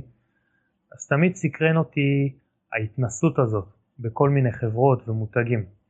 אז כשבאתי אה, לארץ אה, פשוט התחלתי לחפור באינטרנט והתחלתי לעשות רשימה של כל מיני חברות. והתחלתי לשלוח להם מיילים כדי לקבל כל מיני הצעות מחיר. אבל לא ידעתי באמת איך אני עושה את זה ואיך אני משלב את זה עם העבודה בהייטק. שמתי את זה בצד, לא עשיתי זה, עם זה כלום בעצם, ב-2010. ב-2015 אלמוג טס לארצות הברית שוב לבד. והוא אמר לי שהוא כרגע נוסע על קרש בשם Bacon, שממש נוח לו והוא מבסוט, ו- וזו חברה שהיא מאוד פופולרית באורוגון. וכל הסקייטרים המקומיים נוסעים שם על Bacon. והוא אמר לי שיש עוד חברה בשם Lifeblood, שיצא לו לדבר עם הבעלים. אורוגון ופורטלנד בפרט זה, זה קהילה של סקייטרים שכולם מכירים את כולם. Okay. אוקיי. זה, זאת עיירה קטנה פורטלנד, וברגע שאתה מכיר מישהו אחד דומיננטי, אז כבר הוא מכיר לך את כולם, ואנחנו באמת הכרנו ב-2010 דייב טובין, הוא בחור בן 50, סקייטר ארטקור משנות ה-80, כל הגוף שלו מקועקע, יש לו בריכה בחצר אגב, יו. כמו גלית. ועם כל זה הוא גם יהודי. וואו. ברגע שהוא ראה אותנו ישראלים באים לארצות הברית ואני עם הרשימה שלי, של האנציקלופדיה של כל הסקייט פארקים. כן. כאילו הוא אומר וואו אתם מטורפים, כאילו באתי אליו עם הרשימה של כל מיני סקייט פארקים שהוא בעצמו עוד לא היה. והוא היה פשוט בשוק. אני גם בשוק אם היית בא אליי עם המחברת הזאת, אפילו אם הייתי נוסע איתך עם אלמוג, הייתי בשוק רק כשאתה מביא את הדבר הזה. למרות שיש אינטרנט ולמרות ש... אני אוהב שהכל יהיה אצלי מסודר, אני פותח באוטו בזמן שאלמוג נוהג, אני יודע לאן נוסעים, מה היעד הבא, אה. מה הכתובת, אני גם רוצה לראות תמונה של ה spot. עובדה, אם לפי תודה על התוכנית הזאת הספקתם כל כך הרבה סקייט פארקים, אם לא זה כן. אולי הייתם עושים כן. חצי מכל מה כן. שתכננתם. עכשיו גם... זה כל היופי אה, בתוכנית ולתכנן. נכון, אני גם הקצבתי לכל עיר מספר ימים ואיזה סקייט פארקים אנחנו הולכים כאילו לכבוש באותם ימים. גאון, כדי שבעצם גאון. אני לא אאחר ליעד הבא. כי בגלל שזה 30 יום. כל איחור בעצם ישפיע, הרי המטרה בסוף להגיע לסן דייגו. וכל אה, איחור יכול לשבש ויכול לגרום לנו לפספס דברים אחרים בדרך. נראה לי כל התוכנית שלך הלכה אה, מושלמת, בטח לא פספסתם כלום ולא פסחתם על כלום. היו כמה שכבר ראינו שהסקייט פארק הזה פחות רלוונטי ו... כן, אחרי שאתה כבר אה, רואה למה אתה נכנס כן. ואיפה היית ולמה, ואתה יכול כבר לפסוח באמת נראה לי. כי זה כן. היה יותר טוב מזה, ולמה לי להיות שם נכון, אם זה כן. קטן, ונלך להוא, נהנה שם יותר, כפול שתיים, מה שנעביר את הזמן בזה. אני מכיר את הראש הזה כבר. כן, אז אה, פגשנו את דייב טובין אצלו בבית בפורטלנד, הוא הרים טלפון לחבר שלו שגר כמה בלוקים לידו, שגם יש לו בריכה בחצר מבטון, ובלוק אחר יש עוד מישהו עם mini ramp. וואו, כולם בשכונה. זה כזה, שכונת סקייטר. כן, ופורטלנד זה מקום שהסקייטבורד שם מאוד פופולרי וכל כך פופולרי שלא לא האמנתי כמה, כמה הם חיים את הסקייטבורד ובטירוף. אז אלמוג, כשהוא חזר לארץ בעצם הוא אמר לי שדיברתי עם אה, הבעלים של Lifeblood ו... ואני חושב להביא את החברה הזאת לארץ. אמרתי לו יאללה מגניב. התחלתי לשלוח מיילים לחברת Lifeblood, סיפרתי לבעלים של חברת Lifeblood עליי ועל אלמוג שאנחנו רוצים אה, להביא את החברה לארץ ואנחנו רוצים להזמין כמות קטנה כרגע כדי אה, לנסות אותו ולראות אה, איך זה תופס. נסענו על הקרשים ומאוד היינו ממש מבסוטים. הקרש היה ממש איכותי, היה לו קונקב כמו שאני אוהב, אני אוהב קרשים עם קונקב. הקרשים האלה מיוצרים אצל אה, פרופסור פול שמיט, וואו. שהוא נחשב למייצר הקרשים הכי טוב בעולם. יש לו מפעל בארצות הברית כאילו? יש לו מפעל בקוסטה מסה, יש לו מעבדה, אה. ששם הוא מפתח את הקרשים אוקיי. עם הפרוז, והוא בעצם עושה שם פס ייצור אה, קטן יחסית, ויש לו פס ייצור גדול יותר, המפעל הגדול יותר והרציני נמצא במקסיקו. וישר ראיתי את הפוטנציאל בקרשים האלה. ו- ופתאום אה, קיבלתי פתרון לאופציה של אה, להתעסק בציוד סקט מבלי לפתוח חנות בעצם. הגעתי למסקנה שאפשר להיות יבואן פשוט של מותג, והמותג הזה הוא, הוא מותג באמת ש- שעשה הרבה רוח בארצות הברית באותם שנים. ואני ראיתי בסקייטרים, בטימניקים של Lifeblood, פוטנציאל מטורף, שזה שהם קודי לוקווד וקווין קוואלסקי. ברגע שיש לך טימניקים טובים, אז בעצם יש עם מה לעבוד. יש לך פה הרבה חומר לעשייה בארץ, בלפרסם, ב... בלשווק.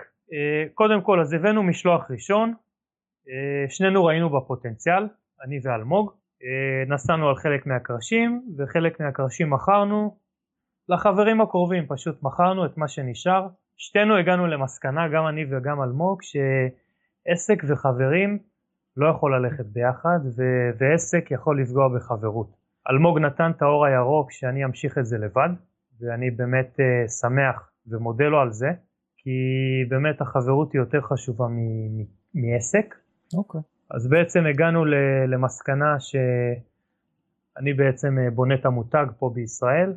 אלמוג הוא הטימניק, אה, הוא יקבל את הציוד ממני, הוא ייסע על הקרשים ובאותה תקופה זה מאוד היה מתאים לאלמוג אז התחלתי להביא משלוח ראשון באופן עצמאי, בעיקר קרשים של Lifeblood וגם קרשים של Bacon וגם uh, קרשים של דייטה שזה גם חברה קטנה אבל uh, עיקר הדגש היה Lifeblood. Uh, לאט לאט uh, זה תפס תאוצה, אנשים מאוד אהבו את המותג, אנשים מאוד נהנו מהקרשים, מהאיכות של הקרשים, הרבה אנשים אמרו שהקרשים ממש חזקים, הדבק שפרופסור פול שמיט משתמש בקרשים היה מאוד איכותי, קרשים פשוט לא היו נהרסים בקלות, אם קרש היה נכנס בתוך קיר הוא לא היה נפתח. התחלתי למכור לחנויות, מכרתי לנויז, אה, גדי חבר ותיק, חבר מהספורטק, אה, גילי שאז גם הייתה לו חנות ליד גלית. ונהניתי מזה, נהניתי מאוד מהעשייה. ובעצם זה, זה יצר סוג של תקשורת בין ישראל לאורגון כי בעצם הסקייטרים של פורטלנד ואורגון ראו מה קורה בישראל דרך אותה קבוצה של ה distributor, Mm. ראו את הרמה של הסקייטבורד, ו- ועם כל זה באותה תקופה גם Grindline היו מגיעים לארץ כל כמה שנים לבנות סקייט פארקים, ו Grindline הם גם, רובם גרים בפורטלנד אורגון, אה, כולם מכירים את כולם, כן. Grindline מכירים את uh, כל הסקייטרים של Lifeblood ומכירים את הבעלים של Lifeblood. פתאום נוצר סוג של עולם קטן בין uh, אורגון, פורטלנד, וושינגטון, סיאטל, שזה נקרא Northwest, לבין ישראל. וזה פתאום התפוצץ ב-2016 באירוע מאוד מיוחד בגלית. תמיד היה לי חזון, אני רוצה שהסקייטרים של Lifeblood יגיעו לישראל. באותה תקופה הסקייטרים של Lifeblood היה, היו אדם הופקינס שהוא סקייטר מקנדה, קודי לוקווד, מרק רד סקוט, שמרק רד סקוט הוא היה בעלים של Dreamland, חברה שבונה סקייט פארקים, וידעתי שכדי שזה יקרה, חברת Dreamland צריכה לקבל איזשהו פרויקט בישראל. אז uh, מחשבה יוצרת מציאות. פשוט חשבתי על זה וחזיתי את זה ופשוט זה קרה. הגיעו הדיבורים על uh, סקייט פארק בחיפה ואז אבי אמר לי ש Dreamland לקחו את הפרויקט. וואו, יש פה איזשהו משהו שחזיתי אותו או חלמתי עליו. אז שלחתי הודעה לאדם הופקינס מקנדה. ברגע שהוא שמע דבר כזה הוא אמר אוקיי, תן לי לבדוק על איזשהו crew שאני יכול לארגן ואני אנסה גם להגיע לישראל. הוא הולך להגיע עם uh, מגזין King Shit, זה מגזין קנדי, uh, הוא השיג לעצמו תקציב מ Vans שישלמו לו על הטיסה של 700 דולר, אבל הוא בא עם עוד איזה ארבעה סקייטרים שהם street סקייטרים והם באים בשביל החוויה, כל אחד משלם על עצמו על הטיול הזה, אבל בעיקרון הם באים כדי לעשות כתבה על ישראל למגזין King Shit וגם עם צלם וידאו. אז יש לי סקייטר אחד מ Lifeblood שנתן אישור שהוא מגיע, מרק רד סקוט שהוא הבעלים של Dreamland גם אישר שהוא מגיע, בסופו של דבר קודי לוקווד לא הגיע עם uh, מרק רד סקוט, אבל במקביל אני כל הזמן שלחתי אימייל לבעלים של Lifeblood למה שלא תשלח גם את קווין קוואלסקי ואת קודי לוקווד הרי במילא הוא עובד ב Dreamland אז למה שהוא גם לא יבוא. אז קודי לוקווד הגיע לישראל אחרי חודש מהרגע שהם התחילו לבנות את הסקייט פארק בחיפה. נוצר מצב שיש לנו פה שלוש סקייטרים של, אה, של חברת Dreamland פה בישראל בונה את חיפה, ובמקביל חברת Grindline בנתה את הסקייט פארק בחדרה. תחשוב איזו סיטואציה, ישראל הקטנטונת מארחת Dreamland וגם את Grindline שבונים שתי סקייט פארקים במקביל שזה החברות סקייט פארקים הכי הארדקור שיש בעולם, שלוש סקייטרים של Lifeblood ועוד סקייטרים של street מקנדה פה בישראל יחד עם מגזין קנדי שעוטף אותם ומסקר את כל ה tour הזה של הקנדים וכולם באותו חודש פה בישראל סיטואציה של פרק זמן של שבועיים שכל אלה היו פה בישראל אז אמרתי אוקיי אני חייב לעשות עם זה משהו ואז בעצם אה, ארגנתי אירוע בגלית ב-2016 יום הולדת גיל 9 לסקייט פארק גלית. הרבה עזרה עם אבי לוזיה והרבה עזרה עם uh, ג'אנגו ו- ולתאם שכולם בעצם uh, יגיעו לאירוע הזה בתאריך הספציפי הזה. אז בעצם הפקנו אירוע הכי ארטקור שיכול להיות אי פעם והכי ארטקור שהיה פה בישראל. אהוד ענן והלהקה שלו מנגנת רוקן רול מטורף על ה coping של החלק העמוק ב pool. הבאנו עוד רמקולים למיקרופון קצת אני דיברתי, קצת יותם. היה שם מלא סקייטרים, אנשים כתבו שזה היה האירוע ההיסטורי הכי מטורף שיצא להם להיות בו. דודו דאג לצלם, אורי ריכטר גם נתן אחלה תמונות, זה היה רגע היסטורי וכאילו אני שמח שיש תיעוד לכל זה ואיכשהו הצלחנו להשיג סרטון מצילומי פלאפון של כל מיני אנשים ששלחו. זה עלה ליוטיוב, אפשר לראות את זה. קוראים לזה? Live Blood in Israel, okay. אוקיי. uh, גלית פול פארטי, 9 years birthday. יש כמה אלפי צפיות כבר בסרטון הזה. אלון דניאל ערך את הכל. אנשים בפורטלנד קצת התחילו להבין מה קורה בישראל, מה הסצנה פה, והייתה פשוט אווירה מטורפת. אה, במקביל לקרשים של Lifeblood ו Bacon הבאתי גם אה, את אה, גלגלי פורטלנד. אה, בהתחלה הזמנתי כמה דגמים ספציפיים כדי ככה לבחון את הגלגל עצמו, כי אני כל החיים נסעתי על Bones.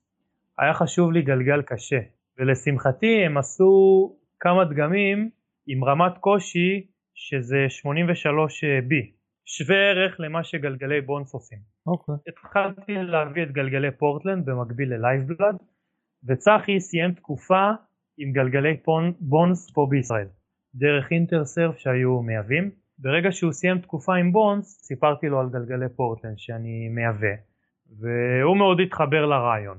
הוא התחיל לנסוע על גלגלי פורטלנד בעצם, שאני הייתי מביא לו. ב-2017 צחי הוציא סרטון לוונס, ונס ישראל, ש... שדן דויטש בעצם ערך אותו, היה שיר של, היהוד... של היהודונים, להקה של אה, יניב שרון, ג'אנגו. הסרטון הזה שצחי הוציא לוונס בישראל, תוך 24 שעות הגיע לעשרת אלפים צפיות. לא. כן, משהו מטורף. סתם. ואיך שהסרטון יצא, שלחתי את הלינק של יוטיוב של הסרטון לבעלים של גלגלי פורטלנד. ממ. זה צחי עינת, זה סקייטר שמייצג את גלגלי פורטלנד בישראל, ואני רוצה שתראה את הסרטון הזה. הוא אומר וואו מטורף, כאילו מי זה, מי זה הבחור הזה, סתם. ובאותו רגע אחרי שהם אה, ראו את הקליפ, הם פשוט אה, פרסמו על דעת עצמם באינסטגרם תמונה של צחי אה, מאחד הטריקים של הסרט, והם פשוט רשמו שצחי עינת is our international rider, וזה בעצם החשיפה הראשונה של צחי באינסטגרם של גלגלי פורטלנד בארצות הברית. אה, כאילו ככה זה התחיל בזכות הסרטון הזה של Vans שממש הרשים אותם. ב-2017 Lifeblood החליטו לסגור את החברה, אה, זהו. היא לא ייצרה מספיק הכנסות אז החברה נסגרה. ואז בעצם אה, נתתי יותר דגש על אה, חברת הקרשים בייקון וגלגלי פורטלנד. ובעצם אה, היא הציעה אם נעשה לצחי עינת גלגל על שמו. חשבנו מה הגרפיקה בעצם שאנחנו רוצים שהגלגל יקבל בעצם. חשבנו על איזה מידה אנחנו רוצים שהגלגל יהיה ומה הרמת קושי. שתתאים למהירות שלו, לסגנון סקייטבורד שלו ובעצם חשבנו איזה גרפיקה אנחנו רוצים שיהיה לגלגל. המחשבה של צחי הייתה שהוא רוצה שהגלגל יהיה עם עיניים, דם וסכין. איזה צ'חר. כן. אז uh, דיברתי עם, ה, עם הגרפיקאי של גלגלי פורטלנד, אמרנו קצת uh, לחדד את הסכין ולעשות את הדם יותר אדום, אבל חוץ מזה הכל היה מושלם. תראה את החזון מהר. כן. ואז בעצם התחילו לייצר uh, כמה מאות של גלגלים. Uh, אני הזמנתי כמות מסוימת, uh, כמות מסוימת הם מכרו בארצות הברית, עוד מישהו אמר לי שהוא נתקל בגלגל של צחי בחנות סקייט בברצלונה. די, זה סתם. כן, כן. צחי הגיע לכל העולם. כן, אז ככה זה התחיל בעצם, גרפיקה ראשונה. אז רגע, הוא היה מקבל אה, אחוזים מהמכירות של הגלגלים האלה? בגלל שהשם שלו עליהם? לא. כמו שזה הולך עם רוב ה pro סקיי... לא. נכון. אבל פה נראה לי זה סקייטר, pro סקייטר ישראלי ראשון על מוצר בארץ. זה לא נראה לי היה כזה דבר. כאילו, לא לדבר על מוצר ישראלי או מוצר מאמריקה, ארצות הברית, כן. ראשון. היה משהו כן. לפני זה? לא, כן. לא נראה לי. לא, לא היה- יוני אטינגר קיבל קרש על שמו. אה, כן, היה. מחברת, מחברת קרשים שבעצם עשתה קרשים ארוכים, אה, אוקיי, אני זוכר. את זה. שבעצם אה, יוני נסע איתם סטריט, כן. שזה היה משהו מהפכני. לגמרי. חברה בשם ארטווינג מניו יורק, שפשוט הוציאו קרש על שמו. טוב, אז אה, השני, צחי הוא השני. כן, כן. מדהים. בעצם בארצות הברית לא יכול להיות מצב שסקייטר יקבל גלגל על שמו לפני שיש לו קרש על שמו. נכון. כמה שיש את זה. הרי הסדר הוא שקודם כל אתה מקבל קרש על שמך ורק ככה מכתירים אותך כמקצוען. נכון. ויש לגלגלי פורטלנד סקייטר אחר מקליפורניה שיש לו גלגל על שמו, אבל זה לא קרה לפני שהוא קיבל pro model בחברת קרשים. עכשיו, בגלל שצחי הוא כביכול בקטגוריה של אה, pro מישראל, זה כן תפס. שאלת אותי לגבי אחוזים. כן. אה, צחי מאוד מחובר לילדים. צחי ואלמוג עושים אה, קייטנות. יש להם בית ספר בשם פרשקם. כבר כמה שנים טובות צחי מלמד ילדים בהרצליה, והחיבור שלו עם הילדים הוא מאוד טוב. זה היה ממש המשכיות מאוד טבעית. צ... תראה, צחי בקייטנה שלו בעצם אה, מכר ומוכר את הגלגלים שלו לתלמידים שלו.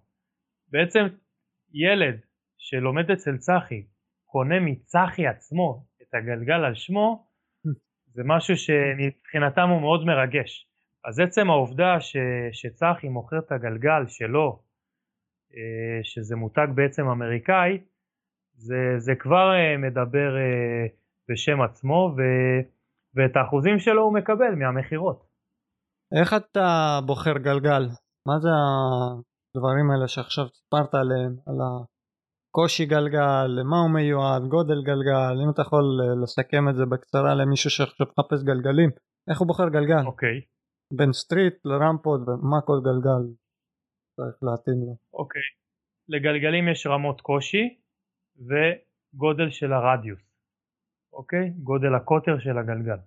גלגל street בדרך כלל אם אתה סקייטר שנוטה יותר לנסוע street עדיף לך לנסוע עם גלגל בגודל 52 מילימטר 53 יותר נוח לתרגילים טכניים 54 מילימטר זה, זה איפשהו הגודל שיכול להתאים לך גם ל street וגם לסקייט פארקים וגם, וגם לבריכות למשל אה, ריילי הוק הבן של טוני הוק הוא סקייטר street והוא נוסע על 54 מילימטר אבל הוא גם מדי פעם נוסע בבריכות backyard אז ככה שהגלגל 54 יכול לעבוד לו גם בבריכות לעומת זאת גלגל 52 לא יעבוד טוב בבריכות 53 למה? גם לא יעבוד טוב בגלל המהירות?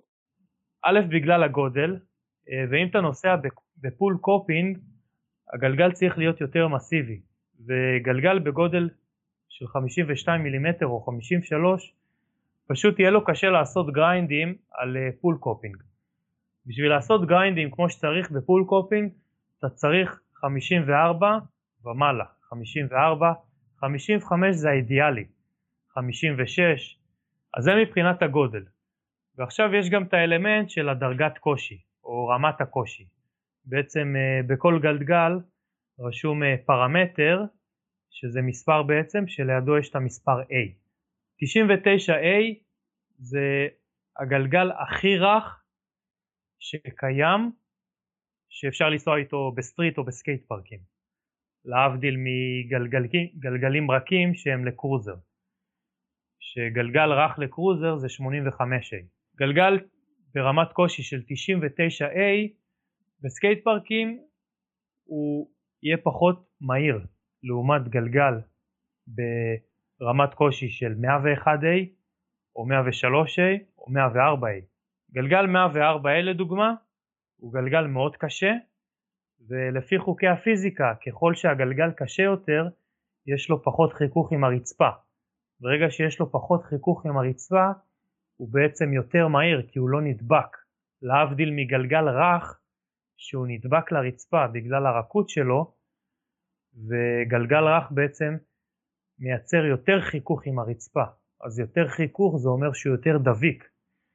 אם נגיד אה, תרד אה, pool עם אה, גלגל רך אתה תרגיש שהגלגל בעצם נדבק לרצפה והוא לא מייצר לך מהירות. יהיה לך יותר קשה להגיע ל coping עם גלגל רך.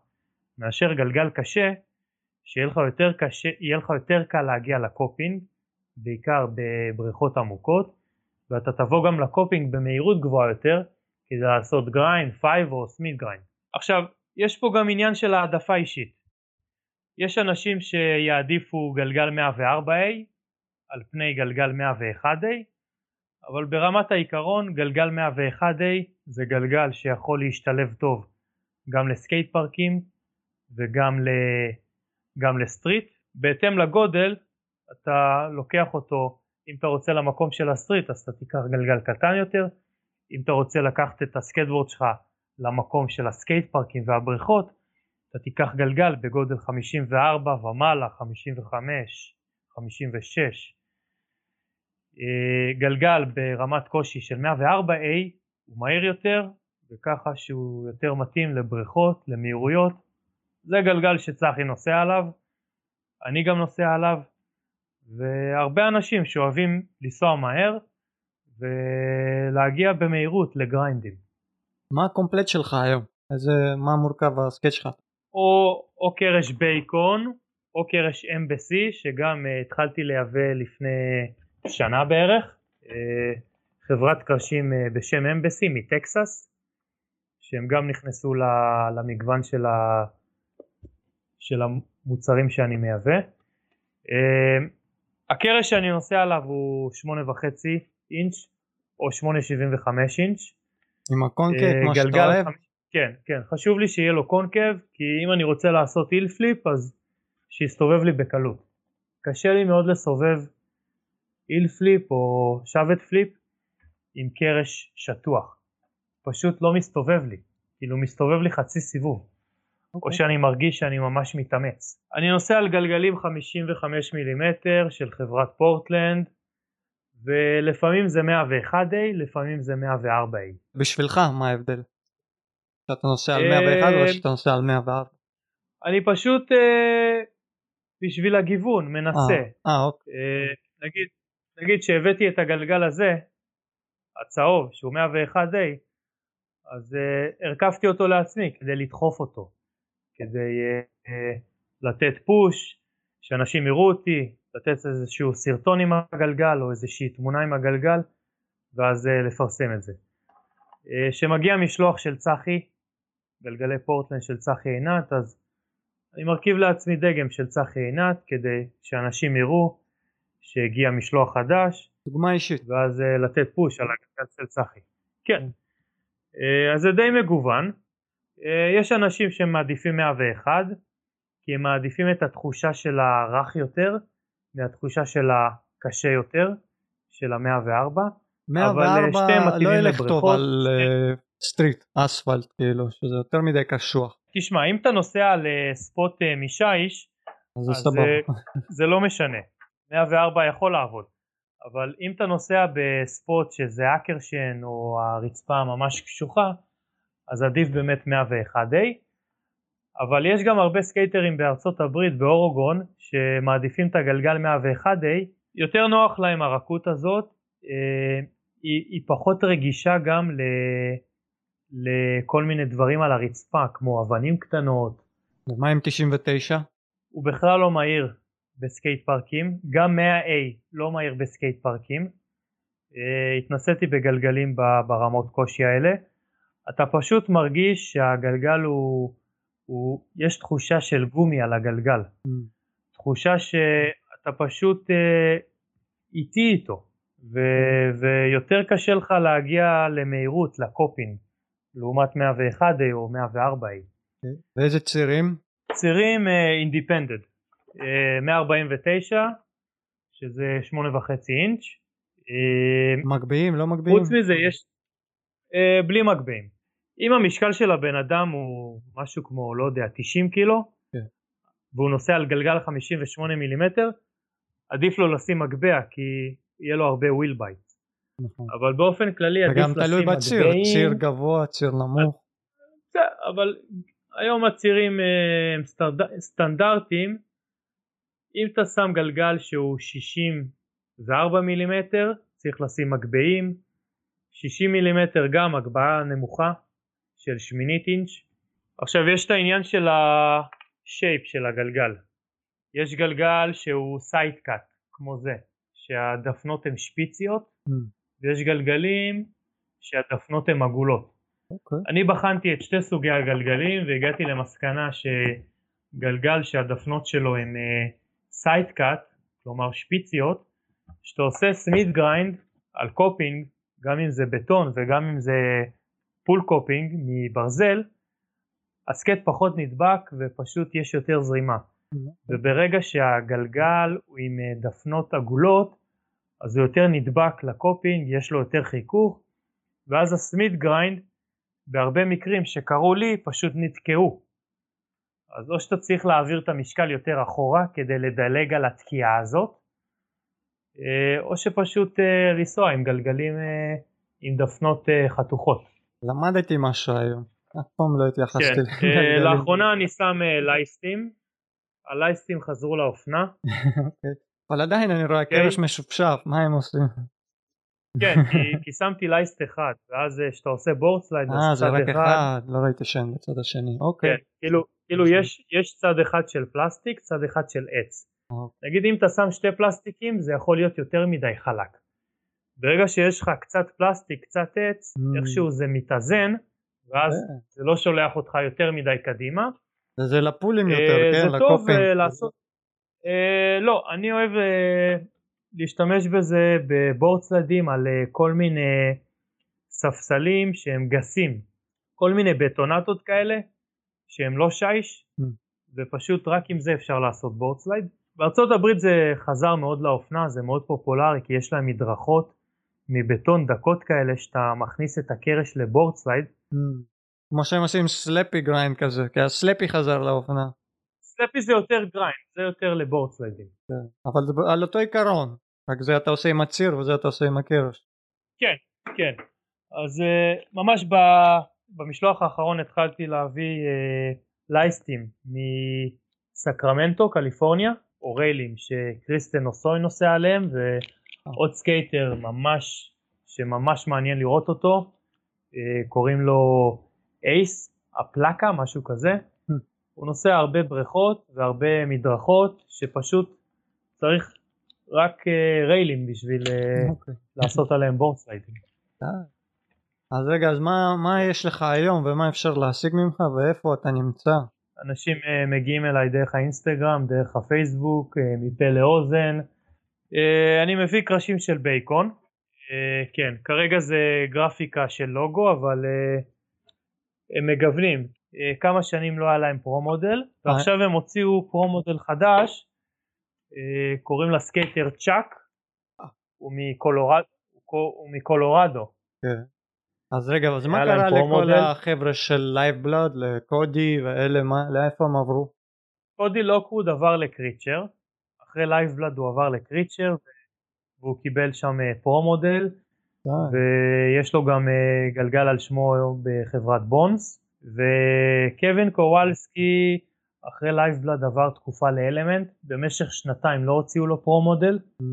עד שכנראה בסוף נמאס לו והוא עזב אותם הוא נכנס לא מזמן ל Blood Wizard מסן אה. פרנסיסקו אה, איך שהוא נכנס אליהם הם נתנו לו pro model וחברה נוספת שאני מביא זה אמבסי אמבסי מטקסס. כן. אה, סקייטר משנות ה-80 בשם אה, קרג ג'ונסון אה, פתח אותה, הוא היה סקייטר vert. אוקיי. קרשים מאוד איכותיים, concave טוב. חלק מהקרשים גם מיוצרים אצל פול שמיט וחלק במפעל אחר. למה שלא תעשה חברה ישראלית עם פול שמיט? תתקשר לפול שמיט ותעשה איתו משהו. תעשה בני וי Skateboards. ותפתח תעשייה מקומית. דרך פול שמיט? אה, זה יותר מסובך, זה יותר מורכב, מאוד קשה להכניס אה, מותג ישראלי לישראל, כי בעצם הסקייטרים פה בישראל ניזונים ממה שקורה בחו"ל, הם ניזונים מיוטיוב, ניזונים מאינסטגרם, ובעצם מה, ש, מה שעובד שם מבחינתם זה, זה כשר פה. אז, קצת עצוב, גם שהבאתי, אבל מובן. כן, האתגר אצלי זה להביא חברה שלא הכירו אותה בארץ, כמו זאתי אני לא מכיר כזה לא שמעתי עליה אף פעם. כשהתחלתי להביא את Lifeblood אף אחד לא הכיר אותה בישראל אולי כמה סקייטרים בודדים ולאט לאט עם הרבה עבודה ואמונה בעצם אה, יצרתי את הסיפור הזה שמאחורי Lifeblood שבאמת גרם לאנשים להתחבר גם לקרשים גם למותג גם לאיכות של הקרשים. Embassy Bacon ו Portland Wheel. כן. ומשיגים אותך באינסטגרם כן, פייסבוק כן. ומה זה איך מה אינסטגרם? כן. האינסטגרם, השם של ה distributor זה Northwest מקף ישראל Skateboards Distribution. היה לך משהו יותר קצר. זה ארוך. אני מסכים איתך, השם הוא די ארוך ו- וזה קצת בעייתי שאתה קונה דומיין ושאתה רוצה כן. לפתוח אתר. אז שמישהו רושם את זה בגוגל או באינסטגרם אחי. מקפים וזה, מה? תראה. משהו קצר, שם קטן. הייתי, אה, אתה הייתי Bacon חייב... IL, אה, Bacon ישראל, לא יודע. בייקון. כן, אבל זה לא רק Bacon, אתה מבין? Mm. זה, זה בעצם אז ראשי תיבות. היית ו- לוקח את האותיות הראשונות של כל זה ו-IL. בקרוב שיהיה אתר, אז בעצם האתר יהיה ראשי תיבות. כן. אבל מה, ש, מה שעומד מאחורי השם הזה זה בעצם רציתי שיבינו שמדובר פה בסוג מסוים של אה, ציוד סקייטבורד שהוא לא ציוד סקייטבורד שמגיע מקליפורניה שאפשר למצוא אותו בשאר החנויות ובעצם האזור הזה הוא נקרא Northwest ואז בעצם שהוספתי את המקף ישראל בעצם יצרתי את הקישור הזה והתקשורת בין Northwest שזה אורגון, פורטלנד, וושינגטון, סיאטל, לקהילה פה בישראל. אוקיי. ואז התקשורת הזאת בעצם זה מה שיצר בעצם את החיבור כן. ואת המערכת יחסים בינינו לבין uh, מה שקורה בפורטלנד אורגון. אז אתם עכשיו שלושה חבר'ה שנוסעים עם הציוד שלך? אתה, אלמוג פרום וצחי? Uh, אלמוג עכשיו פחות uh, פחות. נוסע על הציוד שלי מדי פעם. שהיה Lifeblood או זה היה באמת represent Lifeblood נטו Lifeblood. אוקיי. היום הוא נוסע גם על אה, קרשים מ Borderline ומדי פעם גם על אה, קרשים ממני. אז צחי הוא נוסע בגלגלי פורטלנד. ב-2018 בעצם אה, טסתי שוב לארצות הברית בפעם השנייה. שלוש שנים אחרי שבעצם אני עובד עם המותגים האלה, היה חשוב לי לפגוש את אותם אה, בעלים. אה, אז ב-2008, 2018 אה, אבא שלי נפטר, אבא שלי חיים ויקו טולדו זיכרונו לברכה. והייתי חייב פשוט למצוא לעצמי את הזמן ולהשתחרר מהעצב ולטוס לארצות הברית וזה היה באמת טיימינג אה, יוצא דופן טסתי גם לקליפורניה וגם לאורגון ופגשתי. בפעם הראשונה את הבעלים של אה, פורטלנד אה, הבעלים של בייקון, הבעלים של לייפבלאד, וזו הייתה פגישה מאוד מרגשת, הפגישה הראשונה בעצם הייתה מאוד מאוד מרגשת, אחרי שנים שאנחנו מדברים בטלפון, פתאום לראות את הבן אדם פנים אל פנים, והייתה תקופה מאוד יפה, הייתי שם אה, חודש בארצות הברית, הכירו לי את כל הבעלי חברות, פשוט עשיתי שם אה, סיבוב, נסעתי הרבה על סקייט, דיברתי עם הרבה אנשים, עם הרבה חברות, יצרתי קשרים ובשבילי זאת הייתה חוויה יוצאת דופן כי גם בעצם אה, זה הקל עליי, על הכאב ועל האובדן שעברתי וגם זה יצר בי שוב את ה passion לעשייה הזאת של המותגים ולייבא וה... וחזרתי משם עם הרבה תובנות. בתקופה של Lifeblood ים בכר גם אה, עזרתי לו הרבה אה, מבחינת אה, קרשים. אה, הוא פרסם אה, את Lifeblood בצורה מאוד מאוד מכובדת וגם סיפרתי, סיפרתי לחבר'ה בארצות הברית על, אה, על ים בכר, על הסקייטר פה בישראל, שהוא נסע על הקרשים של Lifeblood. אבל הכישרון עולה עכשיו בארץ, הבנתי. כן. אחרי שלייבבלאד נסגרו, אה, הוא מצא את דרכו עם חברה אחרת. אה, אנחנו עדיין חברים, אנחנו עדיין ביחסים טובים מאוד. אה, הוא היה בחתונה שלי, הוא היה בניחום אבלים, אנחנו מאוד אה, מקורבים כמו משפחה. אה, אחרי שחזרתי מארצות הברית ב-2018, דיברתי עם דניאל פוצ'טר מראשון לציון. אה, הרבה זמן ככה שמתי עליו עין. באותה תקופה ו... והוא היה נראה לי סקייטר שמאוד מתאים למותגים האלה מאזור אורגון ופורטלנד כי הוא באמת אה, סקייטר שמזכיר את אותם סקייטרים שרואים באותם אזורים. אוקיי. אז אה, דיברתי איתו, הייתה לנו פגישה, סיפרתי לו את הציפיות שלי ממנו, הוא סיפר לי את הציפיות שלו, אה, סיפרתי לו ואמרתי לו מה אני יכול לתרום לו ו- ואיך אה, זה יכול לתרום לו ומה אני מצפה ממנו בתמורה לזה.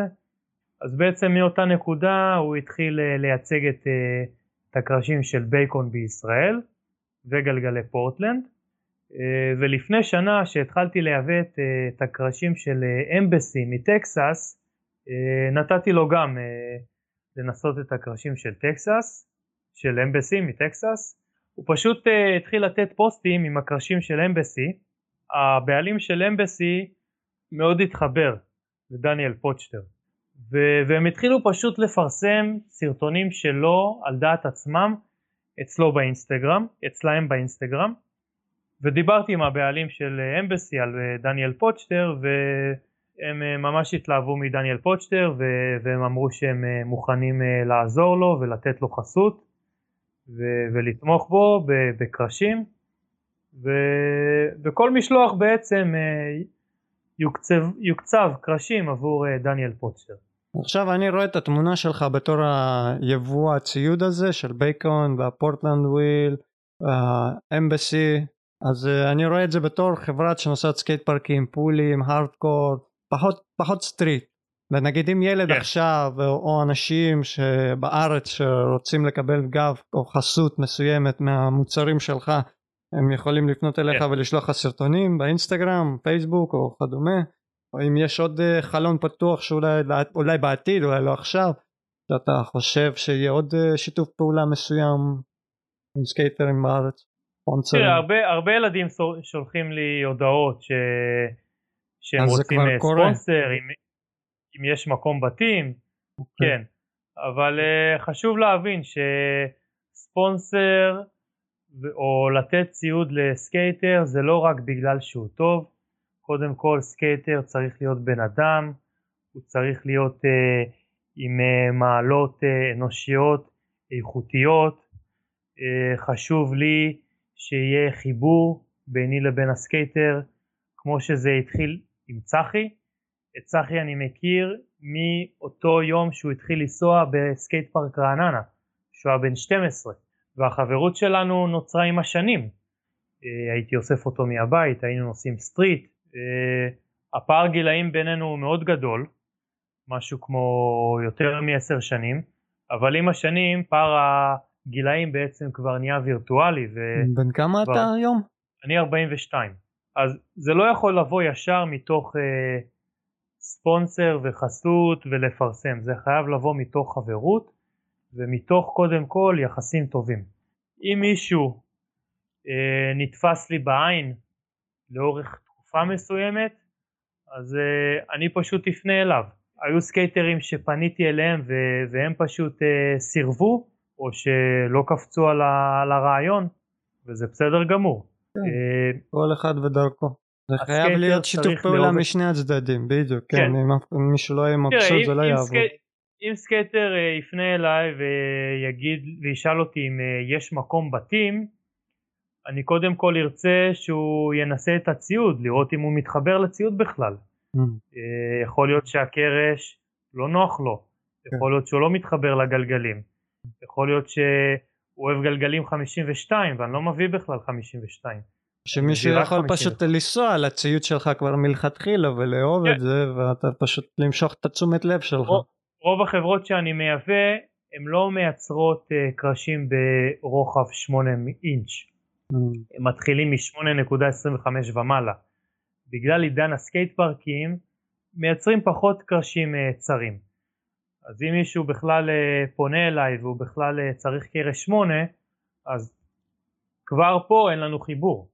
אוקיי. אז קודם כל בן אדם צריך להתחבר למותג, בן אדם צריך לאהוב את המותג, הוא צריך uh, להתחבר לסקייטרים של המותג, להרגיש את הקרש, להרגיש את הגלגלים ולראות אם זה בכלל נוח לו והוא מתחבר לזה. אתם מצלמים עכשיו משהו למותג? סרט ישראלי של נורס ווסט? עובדים על פרויקטים מסוימים? Uh, עבדנו על פרויקט uh, לסרטון לצחי, uh, בעצם uh, סרטון שהוא Welcome to the team. היה לי סוג של חזון להביא אותו לאתר של אה, גלגלי פורטלנד בארצות הברית. אוקיי. זה, זאת הייתה כאילו השאיפה שלי. אז אה, ברגע שהגענו ליעד הזה, והוא בעצם נכנס באופן רשמי לטים גלגלי פורטלנד, אז uh, בעצם הוצאנו סרטון רשמי שהתפרסם בארצות הברית, זה עוד לפני הגלגלים, הפרו-מודל. הוצאנו הרבה פוסטרים uh, של צחי עם הלוגו של גלגלי פורטלנד והתמונה של הפרו-מודל. איזה שנה זה היה הפרו-מודל? 2018 יצא הפרו-מודל הראשון של צחי, חצי שנה, שנה אחרי זה יצא צבע נוסף, משהו כמו לפני חצי שנה יצא, יצא עוד גרפיקה. יש כבר שתי גרפיקות, אבל אה, שלוש אה, גרסאות של אה, גלגלים. גרפיקה אחת שיצאה בשתי צבעים, גם בלבן וגם בשחור לבן. זה נקרא סווירל, זה כמו שיש כזה, שחור ולבן ביחד. אוקיי. חוץ מזה אני גם מייבא צירים, צירים של אייס. אייס בעצם זה בעלים של אה, חברת אינדיפנדנט אה, שבעצם התפצל ופתח את חברת אייס בסביבות שנת 2006. אז יש לך אייס, גלגלים, קרשים, בייקון ואמבסי, ארבע כן. מוצרים, הוא מביא גם ביגוד? אה, אני מביא חולצות של פורטלנד, חולצות של בייקון, חולצות של אמבסי. ויש לך אתר? האתר מוכן אבל עדיין לא פרסמתי אותו. אני לא ממהר כרגע, אני פשוט רוצה שהוא יהיה פרפקט, מושלם, גם uh, mm. עוד משלוח בדרך לישראל, אז ברגע שהמשלוח יגיע, אז יהיה לך כאילו אה, חנות. אינטרנטית שם? או סתם קולקציה? כן. אנשים יכולים כן, להזמין מהאינטרנט? אינטרנט, כן. כן, גם להזמין מהאינטרנט וגם תמיד יוכלו, יכולים לקפוץ אליי כן. בכל שעה, כולל שישי, כולל שבת, המקום אצלי פתוח תמיד, עושה את זה בכיף, באהבה. ומה התוכניות עם העסק, עם סקייטבורד עם, עם ה distribution או...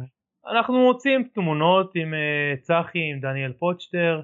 אבל אין פרויקט אה, מסוים גדול שאתם בונים. כרגע לא אין פרויקט אין פרויקט אבל ברגע שדניאל פוצ'טר יקבל את הקרשים של Embassy אז הוא מן הסתם ככה ייתן פוש ו... ויראה את עצמו בכל מיני טריקים. החברה בארצות הברית רוצה לראות את אה, דניאל פוצ'טר אה, פעיל עם כן. הקרשים שלהם והם יפרסמו אותו בארצות הברית. כן, איזה סטייל, איזה יופי החיבור הזה, איזה כיף שיש שילוב אה, חיבור כזה. יש עוד אה, תוכניות מעניינות לעתיד, להביא מוצרים חדשים. כן, יש, אה, יש תוכניות לעוד כמה חברות שאני עובד עליהן. תמיד השאיפה להביא מקצוענים לישראל. אמבסי רוצים מאוד לבוא לישראל. הטימניקים של אמבסי רוצים להגיע לישראל. כל עוד יקנו ויתמכו במוצר הזה נראה לי הם יבינו שיש פה עניין ואז אולי מן הסתם גם יתעניינו ויבואו. כן. את חברת Embassy החלטתי להביא כי לפני שנה בערך הייתי בתחרות vert בשוודיה, במלמו. מעניין. הייתי עם הבת זוג שלי. הייתי עם הבת זוג שלי. גם אוהבת סקייטבורד? כן. היא זורמת איתי. אה, לפני חצי שנה התחתנו, ממש לפני הקורונה. וואו, מזל טוב. ממש, אה, כן, תודה. ממש כמה ימים לפני הסגר. עשינו אירוע עם 400 uh, אה, מוזמנים, בלי מסכות, בלי כפפות, היו ריקודים, ובאמת... תפסתם בול. מודה, מודה למי שלמעלה כיוון את זה ככה. לגמרי, אחי. בטח היו מלא כן. סקייטרים, לא עשו בלאגן. כן, היו, היו משהו כמו 60 סקייטרים מכל הארץ. וואי וואי וואי. איזה כיף. כן, אה. כן, הייתה חוויה, כן. משהו כמו קצת פחות משנה אה, נסענו לתחרות ורט בשוודיה אה, ושם בעצם היה דוכן של אמבסי שכבר כמה שנים אני עוקב אחרי המותג הזה אבל לא באמת הייתי בטוח אם אני רוצה להביא אותו ובעצם כשראיתי את הדוכן שם של אמבסי פשוט עמדתי על הקרשים והרגשתי את הקונקב וראיתי את החריטה שזה מיוצר אצל אה, פרופסור פול שמיט. אה יש חריטה מסוימת שזה יש רק ככה יודעים שזה מיוצר אצלו. איפה החריטה כן. הזאת נמצאת? סתם מעניין אותי, אף פעם לא ראיתי את זה. בברגים הקדמיים, בחורים של הברגים הקדמיים. חייב, יש ממש אה, כמה, כמה מילים אה, ספציפיים ש, שאומרים בעצם שהוא המייצר. פרופסור של הקרשי אה, סקטבורד בעולם, למי שלא יודע. כן, הוא באמת מייצר הקרשים הכי טוב שקיים והוא באמת מבין גדול באיך קרש צריך להיראות, מאיפה הקונקב צריך להתחיל, מאיפה העלייה של התל צריכה להתחיל. הוא אומר שככל שהסקט יותר גבוה ככה העולי יצא לך יותר גבוה. אז או שאתה תשים גלגלים גדולים כדי שהמרחק מהתל לרצפה יהיה ארוך גדול יותר, אבל מצד שני גלגל גדול זה משקל. נכון. אז או שתשים גלגלים קטנים זה הגבהה. Mm. ואז בעצם המרחק לרצפה יהיה גדול יותר ואז בעצם זה יכול לגרום ל ollie גבוה. וזה גם סיבה לגלגלים קטנים ל street. כאילו, שזה פחות משקל, יותר טוב לפליפים. כן, יותר נוח לדברים טכניים, כן. אז uh, בעצם uh, בתחרות uh, Vert Attack בשוודיה uh, ראיתי סקייטרים של Embassy שהתחרו בתחרות וראיתי שם דוכן של Embassy ואמרתי שאוקיי, אני רוצה להביא אותם לישראל כתוספת לשאר המותגים. כי כל מותג משלים את השני. נגיד Embassy מייצרים הרבה קרשים של old school והרבה שייפים כן. אה, ויש לפעמים הרבה דרישה לאולד סקול. כמו שיש לך למעלה על הקיר שם? כאלה? כן, כן, כן. משלוח הבא הולך להגיע, הולך להגיע קרשים של Embassy שהם אה, ממש בצורה הזאת של אולד אה, סקול משנות ה-80 אוקיי. ויש להם הרבה צורות שייפ. תמיד טוב שיהיה גיוון. עכשיו זה נראה לי גם באופנה, כל השייפים האלה חזרו כזה, הרבה אנשים כן, אוהבים את זה. כן, חזר לאופנה, כן, כן. כן. אבל מאוד חשוב לי באמת שהמפעל שהקרשים אה, מיוצרים אצלו הוא המפעל ברמה הכי גבוהה. שלי באופן אישי חשוב שלי קודם כל הם יהיו נוחים. אוקיי. ברגע שהקרשים נוחים לי אז יותר קל לי למכור. אה, אני לא אצליח למכור קרש שאני לא מתחבר אליו או שלא נהניתי איתו בסשן. אוקיי. בגלל זה אני, אני לא מביא קרשים שטוחים כי אני באופן אישי לא אוהב קרשים שטוחים. אוקיי. אה, למרות שיש אנשים שאוהבים קרשים שטוחים אבל אני יותר מתחבר לקרשים עם קונקב. אז בכל אופן בתחרות ורטאטאק החלטתי והגעתי למסקנה שאני רוצה להביא את אמבסי לישראל. וחוץ מזה שחיכיתי בתור לשירותים אז uh, פתאום מאחוריי חיכה גם בתור לשירותים רון גליפברג. וישר הסתובבתי אליו אמרתי לו מה המצב רון גליפברג? מה, מה המצב רון? אה, נעים מאוד בני טולדו מישראל. אה, אמרתי לו שאני חבר של אבי לוזיה כי הוא מכיר את אבי לוזיה מכל הסבב תחרויות. שאבי לוזיה אה, התחרה. הוא אמר וואו שמעתי על כל הסקייט פארקים שהולך אצלכם בישראל וואו מטורף. אמרתי לו כן שבקרוב הולך uh, להיפתח סקייט פארק חדש בחולון של Dreamland הדלקתי אותו קצת על ישראל אמרתי לו שממש שווה לו לבוא לישראל יש פה משהו כמו 12 סקייט פארקים של Grindline uh, ו Dreamland. יהיה, לו, יש, יהיה ממש שווה לו לבוא לישראל. גם uh, הוא אמר בוא, בוא, בוא נחליף uh, פרטים ו, ונדבר ונתכתב. התחלנו לדבר סיפרתי לו עוד קצת על ישראל הראיתי לו קצת אה, פירוט רחב יותר של הסקייט פארקים בארץ והוא נדלק והוא אמר אוקיי תן לי לארגן crew ואני אעדכן אותך ותוך כדי זה הוא גם שאל אותי מה המזג האוויר אה, בישראל? מתי העונה הכי טובה להגיע לישראל? אז ככה כיוונתי אותו מבחינת אה, חודשים מתי הכי נוח להגיע שלא חם מדי ולא קר מדי. אה, בעצם ציירתי לו ככה סוג של מפה מבחינת סקייט פארקים מה המרחקים בין כל סקייט פארק לסקייט פארק, פחות או יותר שיקבל סדר גודל, למה לצפות, לכמה ימים הוא צריך להיות בישראל. עשית לו את הספר, את הספר תכנונים שלך. כן, עשיתי לו ככה ספר על ישראל, אז uh, באמת אחרי משהו כמו חודש חודשיים הוא חזר אליי, uh, הוא אמר אני הולך להגיע לישראל, ארגנו חסות, ארגנו תקציב של uh, מונסטר, של החברת משקאות, וואו. כן, והוא הגיע לארץ עם Tom Schaar. עם, אה, וואי, שוחט. כן, uh, Tom Schaar מ Element עם uh, Chris Gregson, שבעצם בא בתור סקייטר ובתור צלם, הוא עכשיו צלם של Thrasher.